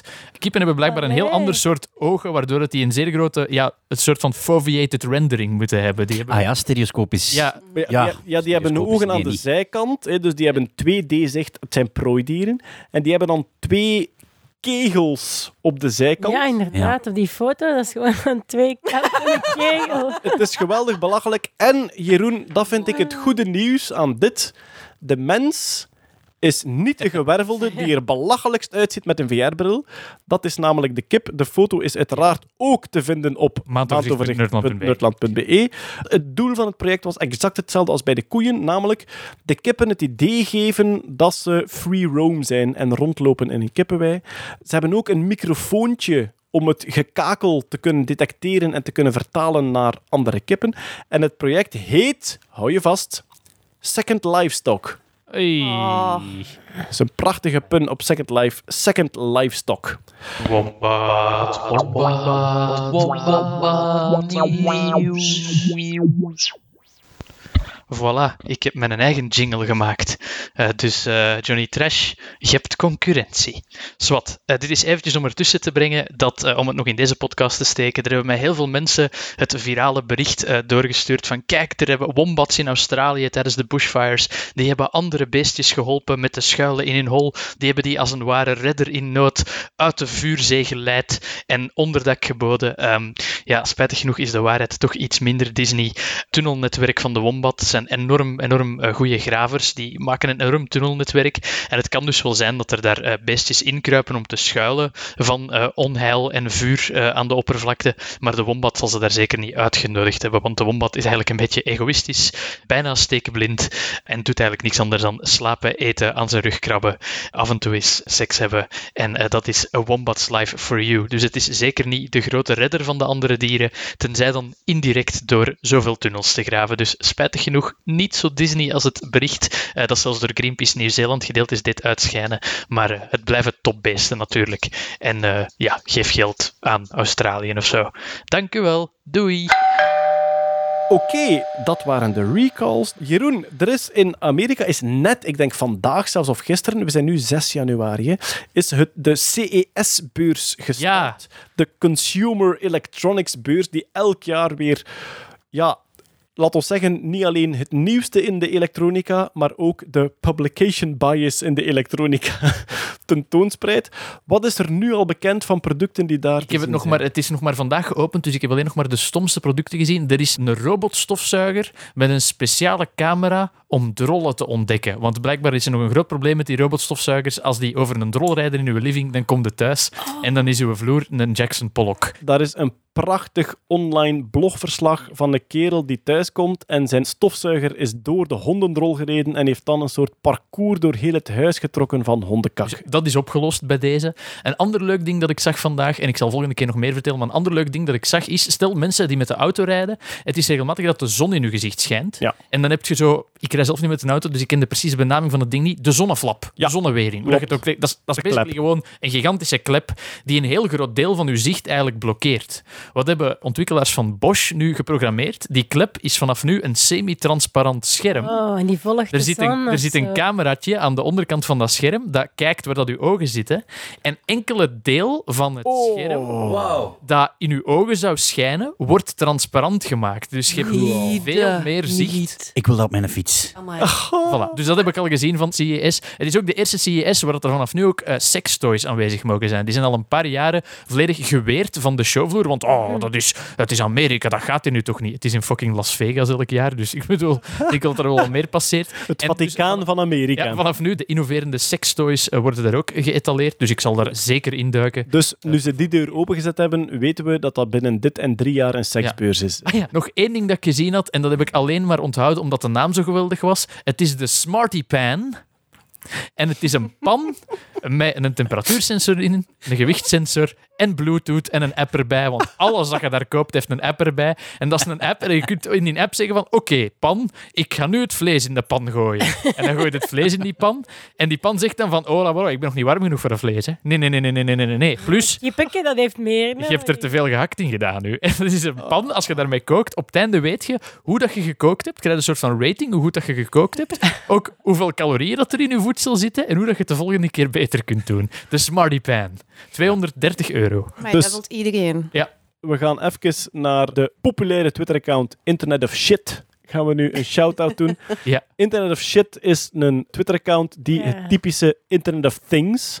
Alles moet vol sensoren, apps en online connectie zitten, die dat Me- consequent op de schop neemt. Meestal zat die account vol met ik ben thuisgekomen en ik kan mijn verwarming niet aanzetten, want er moet een update van het internet komen en ik heb geen internet. Ja. Met die Dat Smarty Pants, stuff. dat is toch, je voelt je al schuldig als je zo brol zit te eten en dan gaat die pan ook nog eens in je gezicht Ja. te klagen dat je het niet goed genoeg hebt klaargemaakt. Er- Allee, er was ook een- van, Er was ook een slimme keukenkraan waaraan dat je kon zeggen: Ik wil nu luidop moeten dan zeggen: Ik wil 37 graden warm, 442 milliliter. Milliliter. En dan komt dat daar exact uit. Oké. Hebben ze ook voor Dus- douches, Nee. douchekranen. Dus zoals Natta zegt, zelfs uw keukengrief zelf wordt passive-aggressive. Ja, begin je gewoon te beschuldigen. Dat... Die gaan u half uitscheiden omdat je niet kunt koken. De Smarty Chair. Uw gewicht is... Ja. Nee. Er is, er is nog op CS iets met een interessante naam. Je mocht raden wat het doet. De rolbot. Sextoy.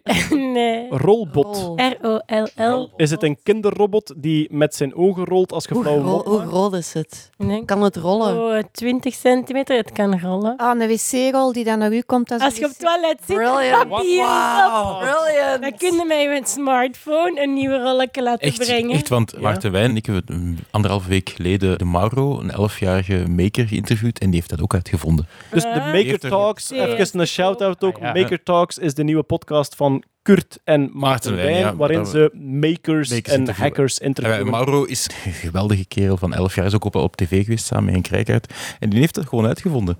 Die heeft een robotje gemaakt. Hij had wel zo'n li- line-following robot. Ah, ja, Dat een paar jaar geleden gemaakt. Dat wc Klopt. en die kwam gewoon wc-papier brengen. Dus heb hem, eigenlijk had hij eh, gewoon Het is nu keiveel geld kunnen commercieel en verdienen. het heet Charmin, is bedrijf, denk ik. En eh, ja, met je gsm bestelde een nieuw rolletje en komt dat Ik aanrijden. heb dat geprobeerd met Poncho en die komt dan gewoon in het wc staan. Is er hier eten?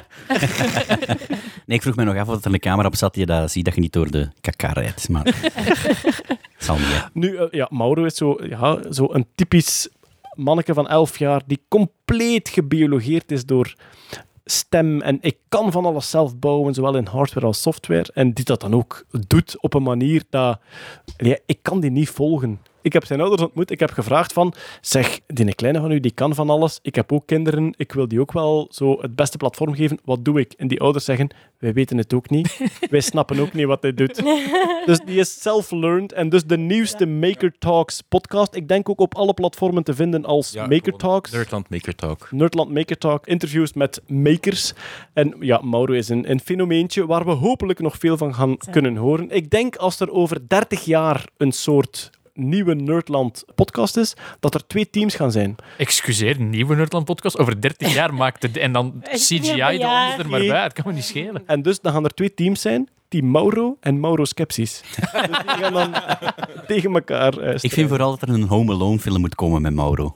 Dat is waar. Die gaan wel geteld 15 seconden duren. Ah nee, wij worden geëlectrocuteerd. Dood, daar. Oké, ja. na de shout-outs naar anderen gaan we nog eventjes zeggen waar we zelf mee bezig zijn. Ik denk het belangrijkste is iemand die hier niet aanwezig is. Hetty heeft dus haar nieuw boek geschreven over CRISPR. CRISPR, de belangrijkste revolutie in de biologie en de geneeskunde zelfs, denk ik, van de voorbije jaren. Hetty heeft een boek geschreven voor een breed publiek. Iedereen die vanaf nul wil weten wat CRISPR is, hoe dat werkt. Dus het knippen en plakken in DNA, ook van de mens. Iedereen die wil weten wat dat is, hoe dat werkt, wat de huidige toepassingen zijn en wat er in de nabije toekomst op ons afkoopt.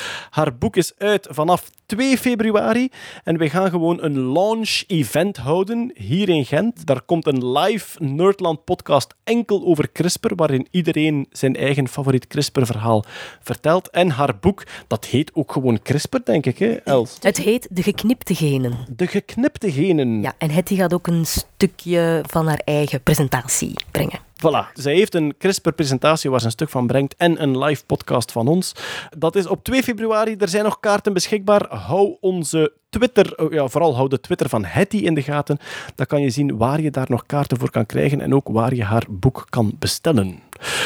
Verder, Bart. Ja, Jij komt op tv morgen en laat ons zeggen, het is vandaag 6 januari, dus morgen is het 7 januari. Ja. Dus als de podcast online komt, is dat al geweest. Maar mensen kunnen het nog herbekijken op VRT. het staat allemaal al op 14 nu, wanneer Is mensen dit beluisteren. Ah, ja, ja, ja. Vijf afleveringen reeks? van Brain Man, een nieuwe serie over de hersenen, met zowaar wetenschappelijke inslag. Super. Ja. En dat is jij en Otto-Jan Ham. Ja, Otto-Jan Ham, een jong beloftevol talent waar we zeker nog van gaan horen. Die mocht van de VRT en van Canvas zijn hersenen gaan laten beknoeien en, en, en bepotelen. Maar gewoon om een beetje te duiden. Ja. Dus het is niet zozeer een programma waarin dat je uitlegt wat de hersenen zijn, welke hersengebieden dat er zijn, dat die communiceren. Het is echt een soort hands-on. Wij gaan technieken proberen. Ja, we gaan een beetje shoppen in de wereld van de breinverbetering. Dus we gaan op heel veel plaatsen, de meeste wetenschappelijk, af en toe ruikt het ook een heel klein beetje naar pseudowetenschap, maar we hebben daar met open ogen en mond naar staan kijken soms. Eh, ja, we bezoeken die plaatsen en we gaan... Het, ons doel is Otto Jan zijn brein beter te maken. We gaan kijken of dat, dat kan. Met zowel huistuin- en keukenmiddelen als ja, hier en daar toch wel een redelijk extreme techniek. Maar denk ik dan aan bijvoorbeeld microdosing van bepaalde aan drugs gerelateerde chemicaliën? Een volledige dosis. Is het echt? Ja, ja. En dat met Ja. ons belasting. En dat met jullie belastingsgeld, ja. Yay. Dus echt eh, Onder andere. Maar ook gewone dingen. Dus we testen eh, enkele minder schadelijke goedjes. Allee, schadelijke. Een heel, genuanceerd verhaal of dat schadelijk is of niet. Dat kom je allemaal in de serie te weten. Mhm. Ik denk in de eerste aflevering, maar die zal nu gepasseerd zijn, hebben we Daniel Tammet ontmoet. Ik weet niet of je die kent, maar dat is een savant met extreme, extreme eh, hersencapaciteiten. Heeft ooit het getal pi tot op 22 digits gewoon opgesomd. 22? 22.000, sorry, ja. 22 zou ik ook nog kunnen. 22.000. Ja, 22.000 in vijf uur tijd zonder fout. Ehm, en daar gaan we even langs om inspiratie op te doen. En dan doen we zelf een paar kleine experimentjes. Waarschijnlijk zal de aflevering die nu zal komen, gaan we voor fysieke ontbering en gaan we kijken wat je allemaal fysiek kan doen om je hersenen op punt te stellen. Met als climax een soort van redelijk extreme koude stage in IJsland. Ook heel, Oké. ja, daar waren we zwaar van onder de indruk. Echt Dat zwaar moeite. Ja. Ik heb u ontmoet, Bart. Ja. het moment dat je terugkwam van een soort, en ik verklap niet te veel, maar een soort, uw lichaam aan bepaalde temperaturen blootstellen, Ja. waardoor dat je in, ja, ik weet niet wat het is, is het een soort trance of een, of een soort Ja, andere Je hersenstaat? gaat uw ademhaling gebruiken om jezelf in een zeer extreme staat van, ja, van emergency te brengen, eigenlijk. En ik kwam u tegen Ja. en jij bent een van de meest nuchtere, sceptische mensen die ik ken. En jij zei van, goh, er gebeurde toch een en ander in mijn hoofd wat ik niet had voorzien. Absoluut niet. Maar dat, dat hebben we wel meermaals gehad in de serie, maar daar, daar vooral. En het komt erop neer dat wij op een bepaald moment echt wel de koude kunnen weerstaan door een paar oefeningen. En dat wij Wauw. echt uren in min 8 wandelen met niks aan. Maar ik, ik ben al te veel aan het Niks of wat? Ja, ja. Alright. Blote Bart van Peer. Nee, nee, een zwembroek. Een zwembroek, een zwembroek. Ja, oké. ja, Goed genoeg. Kijken, eh, kijken, kijken. Dat is Bart zijn programma. En Team Scheire, Kurt, eh, ik mag het presenteren. Kurt heeft eh, heel hard meegewerkt achter de schermen aan vooral de brug tussen tv maken en het makers team. En zelf ook heel veel ja, maker feedback en ondersteuning gegeven. Team Scheire is helaas uitgesteld tot na de zomer. Normaal gingen wij dit voorjaar al op antenne komen, maar er komen twee afleveringen online. Dus voor wie wil, op VRT nu wij vinden het zelf, we zijn heel blij met deze aflevering. Kenny is een eh, jongeman in een rolstoel die eigenlijk enkel nog zijn wijsvinger kan Hij bewegen. heeft de ziekte van Duchenne. Duchenne, voilà, dus progressieve spierziekte. Met zijn wijsvinger kan hij nog een joystick bewegen en kijk, alweer hulde aan de technologie. Met zijn wijsvingerbeweging kan hij nog een elektrische rolstoel bewegen en is hij mobiel, kan hij rondgaan. En hij kan daar een computer mee bedienen. Hij is grafisch vormgever. Dus hij maakt eigenlijk Amai. hij maakt geometrische tekeningen met zijn wijsvinger. Maar hij is een grote fan van street art. En zijn droom is om graffiti op een muur te zetten. En dus wij hebben Anthony Liekens, Ant- een, ja. ja, een van onze favoriete makers op deze planeet, hebben wij gecontacteerd en gevraagd: kunt jij iets maken waardoor dat Kenny met een wijsvingerbeweging graffiti op een muur kan zetten? Anthony is aan de slag gegaan en het resultaat staat op VRT nu. Ja, samen met nog een tweede aflevering die het kinderziekenhuis in Antwerpen volgt. Het zit daarna Sint Fabiola of Sint Paulo. Het is Paula is het, ja. Paula. Het is een koningin, ah, ex-koningin. Ehm, Iets nee, van de blijven- irrelevante adel. eh, goed, ja. Maar die blijven koningin, hè? Kijk, het is, een- het is er een cursus. Oh my god. Ik vind We zitten in een koning. Hoe operatiekamer. werkt, hoe werkt de adel? Dus Nee, wacht. Maar technisch gezien in de 17e eeuw. Nee, wacht. Nee, dat moet ik eerst uitleggen. De- Dat is natuurlijk nog pas als je begint te rekenen vanaf Jezus Christus. Maar ja, niet iedereen. Dus de? Big Bang. Dus we beginnen bij de Big Bang. Dat is Dus- heel zot. Dus Kurt, we gaan samenvatten. Oh, sorry, sorry, sorry. Nee, het is inderdaad een kinderziekenhuis. Dus we gaan samenvatten, Kurt. Adel, irrelevant. Kindergeneeskunde, zeer relevant. Zeer relevant, ja, ja. Kinderziekenhuis en die hebben het probleem dat kinderen heel nerveus en angstig worden, zeer begrijpelijk, door die omstandigheden. Ja, omdat ze moeten geopereerd worden. Dus ze moeten in een operatiekwartier onder narcose gebracht worden. En het ziekenhuis was al heel goed bezig om zo heel dat voortrekt en daarna direct in te kleden en van, ah, en uit te leggen wat er gebeurde, met ook een mascotte dat daar rondging. Alleen de tien minuten tussen dat ze, op, dat ze binnenkwamen in het operatiekwartier en dat ze een masker op hun kregen. Want kinderen onder narcose is niet met een injectie, maar is met een, geen lachgas, maar zowel Een masker met een, met een, ja, een Slaapgas. verdovend gas. Ja, inderdaad. ik krijg al een teken dat ik aan het afwijken ben. Oké, terug. Dat is heel beangstigend en dat stinkt ook, dat gas. Dus dat is nog een keer extra paniek. En dat kregen ze niet onder controle. Dus we hebben daar gewoon bijvoorbeeld een voormiddag gefilmd. Zo met een camera. Hè? Doe je dat? oh man, man, man, man. Zeg, en, en werkt dat zo'n camera? Je hebt zo'n lens. En dan... De CCD-blok is ooit gebouwd. Maar dus, Oh, wacht. We gaan dat knippen. hè. maar dus eh, waar komt het op neer? Els zegt keihard niet, begrijpelijk. Oh, nee. Maar dus, ja, ja, dus, Dus dat ziekenhuis heeft, en allee, ik was onder de indruk, dat ziekenhuis heeft een parcours ontwikkeld. Vanaf dat die kinderen binnenkomen, zit alles in een thema. Er is een mascotteke, die worden heel goed behandeld enzovoort. Hun grote probleem was, vanaf dat die binnenkomen in een operatiekamer, die zeer gereglementeerd is, die zeer steriel moest zijn, is er een soort, ja, de begeleiding is oké en mensen proberen een soort het verplegend personeel probeert een soort betrokkenheid met die kinderen te onderhouden, maar die zijn onder de indruk, die zijn angstig. Wij hebben filmpjes mogen zien van kinderen die onder narcose gaan. Dat is heftig. Als een kind in paniek is en je moet als anesthesist iemand een masker op zijn gezicht duwen omdat hij die operatie nodig heeft, ik kreeg daar de rillingen van. Dus wij hebben gevraagd aan Lien Korevits, ja, en gebruikersonderzoeker bij IMEC. Voilà, en zij heeft heel hard onderzocht. Zij heeft met die kinderen zelf in co-creatie gegaan. Ze heeft gevraagd van, wat zou jij denken dat dat is? En dat is een heel lang en heel goed onderzoek, ook met eye-tracking en zo, waar kijken kinderen naar, heel uitgebreid, om tot een oplossing te komen die dat eigenlijk aan de medische voorschriften, want zo'n operatiekwartier is redelijk strikt, maar die dat ook wel probeert om die angst en paniek bij kinderen weg te nemen. Voilà, en de rest is voor de uitzending uiteraard. Lien heeft iets gebouwd wat die kinderen in het verhaal moet houden. In de tijd voordat ze onder verdoving gaan. En ja, bon, zowel wij als het personeel van het ziekenhuis waren daar Mhm. een beetje van onder de indruk. Meer gaan we niet verklappen. De eerste aflevering van Team Scheire staat op vrtnu.be. Dat is Als je die enkel, daar- en al, enkel voor de Belgische luisteraars, vrees ik, VRT nu. De Nederlanders... Eh, ik zullen, denk- eh, of- is het niet De- geo geblokkeerd? Ga een keer checken. Jawel, jawel. De Ja? Nederlanders hebben twee mogelijkheden. Het Ah. is geo-geblokt, maar als je een Belgisch gsm-nummer hebt, Ah. krijg je een code om toch van in Nederland te kunnen kijken. Hey. Ah, En al de anderen zullen naar, via Ant- naar Antwerpen moeten rijden en in de McDonald's. of VPN-bloks. Of, oh wacht, ik heb een beter idee. Alle andere Nederlanders kunnen een brief of een e-mail sturen aan de VPRO of een ander Nederlands platform om te vragen, zeg, Team Scheire, Ah, voilà. dat lijkt toch eens een fantastisch programma. Kun je dat eens niet uitzenden, ook in Holland? In Holland komen trouwens, hè. ze zijn het aan het maken in eh, Nederland. hè. Ah, is het echt? Er is een Nederlandse van Big versie. Life Fix zijn ze in Ah. Nederland ook aan het Maar wie is er daar dan de scheire? Ja, dat weet ik Dat weet ik niet. Maar ik denk dat dit programma niet gegeoblokt is. Het is in heel Ah, Europa. Het is ja, het, is, het zijn vooral aangekochte reeksen dat ze Ah, blokken oké. in eh, dingen. Dit is eh, denk ik in Nederland te kijken. Zullen de link in de show. Wel, iedereen in Nederland probeert te kijken naar Team Scheire op VRT nu. Als het niet lukt, laat het ons weten. Dan kunnen wij gaan reclameren bij de bevoegde instantie. En Brainman is ook wel de moeite. Is het echt? En is dat ook op VRT nu? Dat is ook op VRT nu. Ook op VRT nu? Ja. En is dat geoblokt of niet? Dat weet ik niet. Wordt dat per programma ge- geoblokt? Het, ja, het hangt echt af. Serieus? Ja, het hangt af van of dat je programma internationaal is of niet. Heb je En al veel Ah. gelicenseerde muziek gebruikt, Bart? Ehm, nee, ik heb alles zelf ingespeeld. Oké. We kunnen bij deze afsluiten, dames en heren. Hartelijk dank voor iedereen die geluisterd heeft tot hier. En natuurlijk dank u wel voor al onze podcasters, zoals Kurt Beheid Eh, wacht, dus ik ben Kurt, ik ben een mens.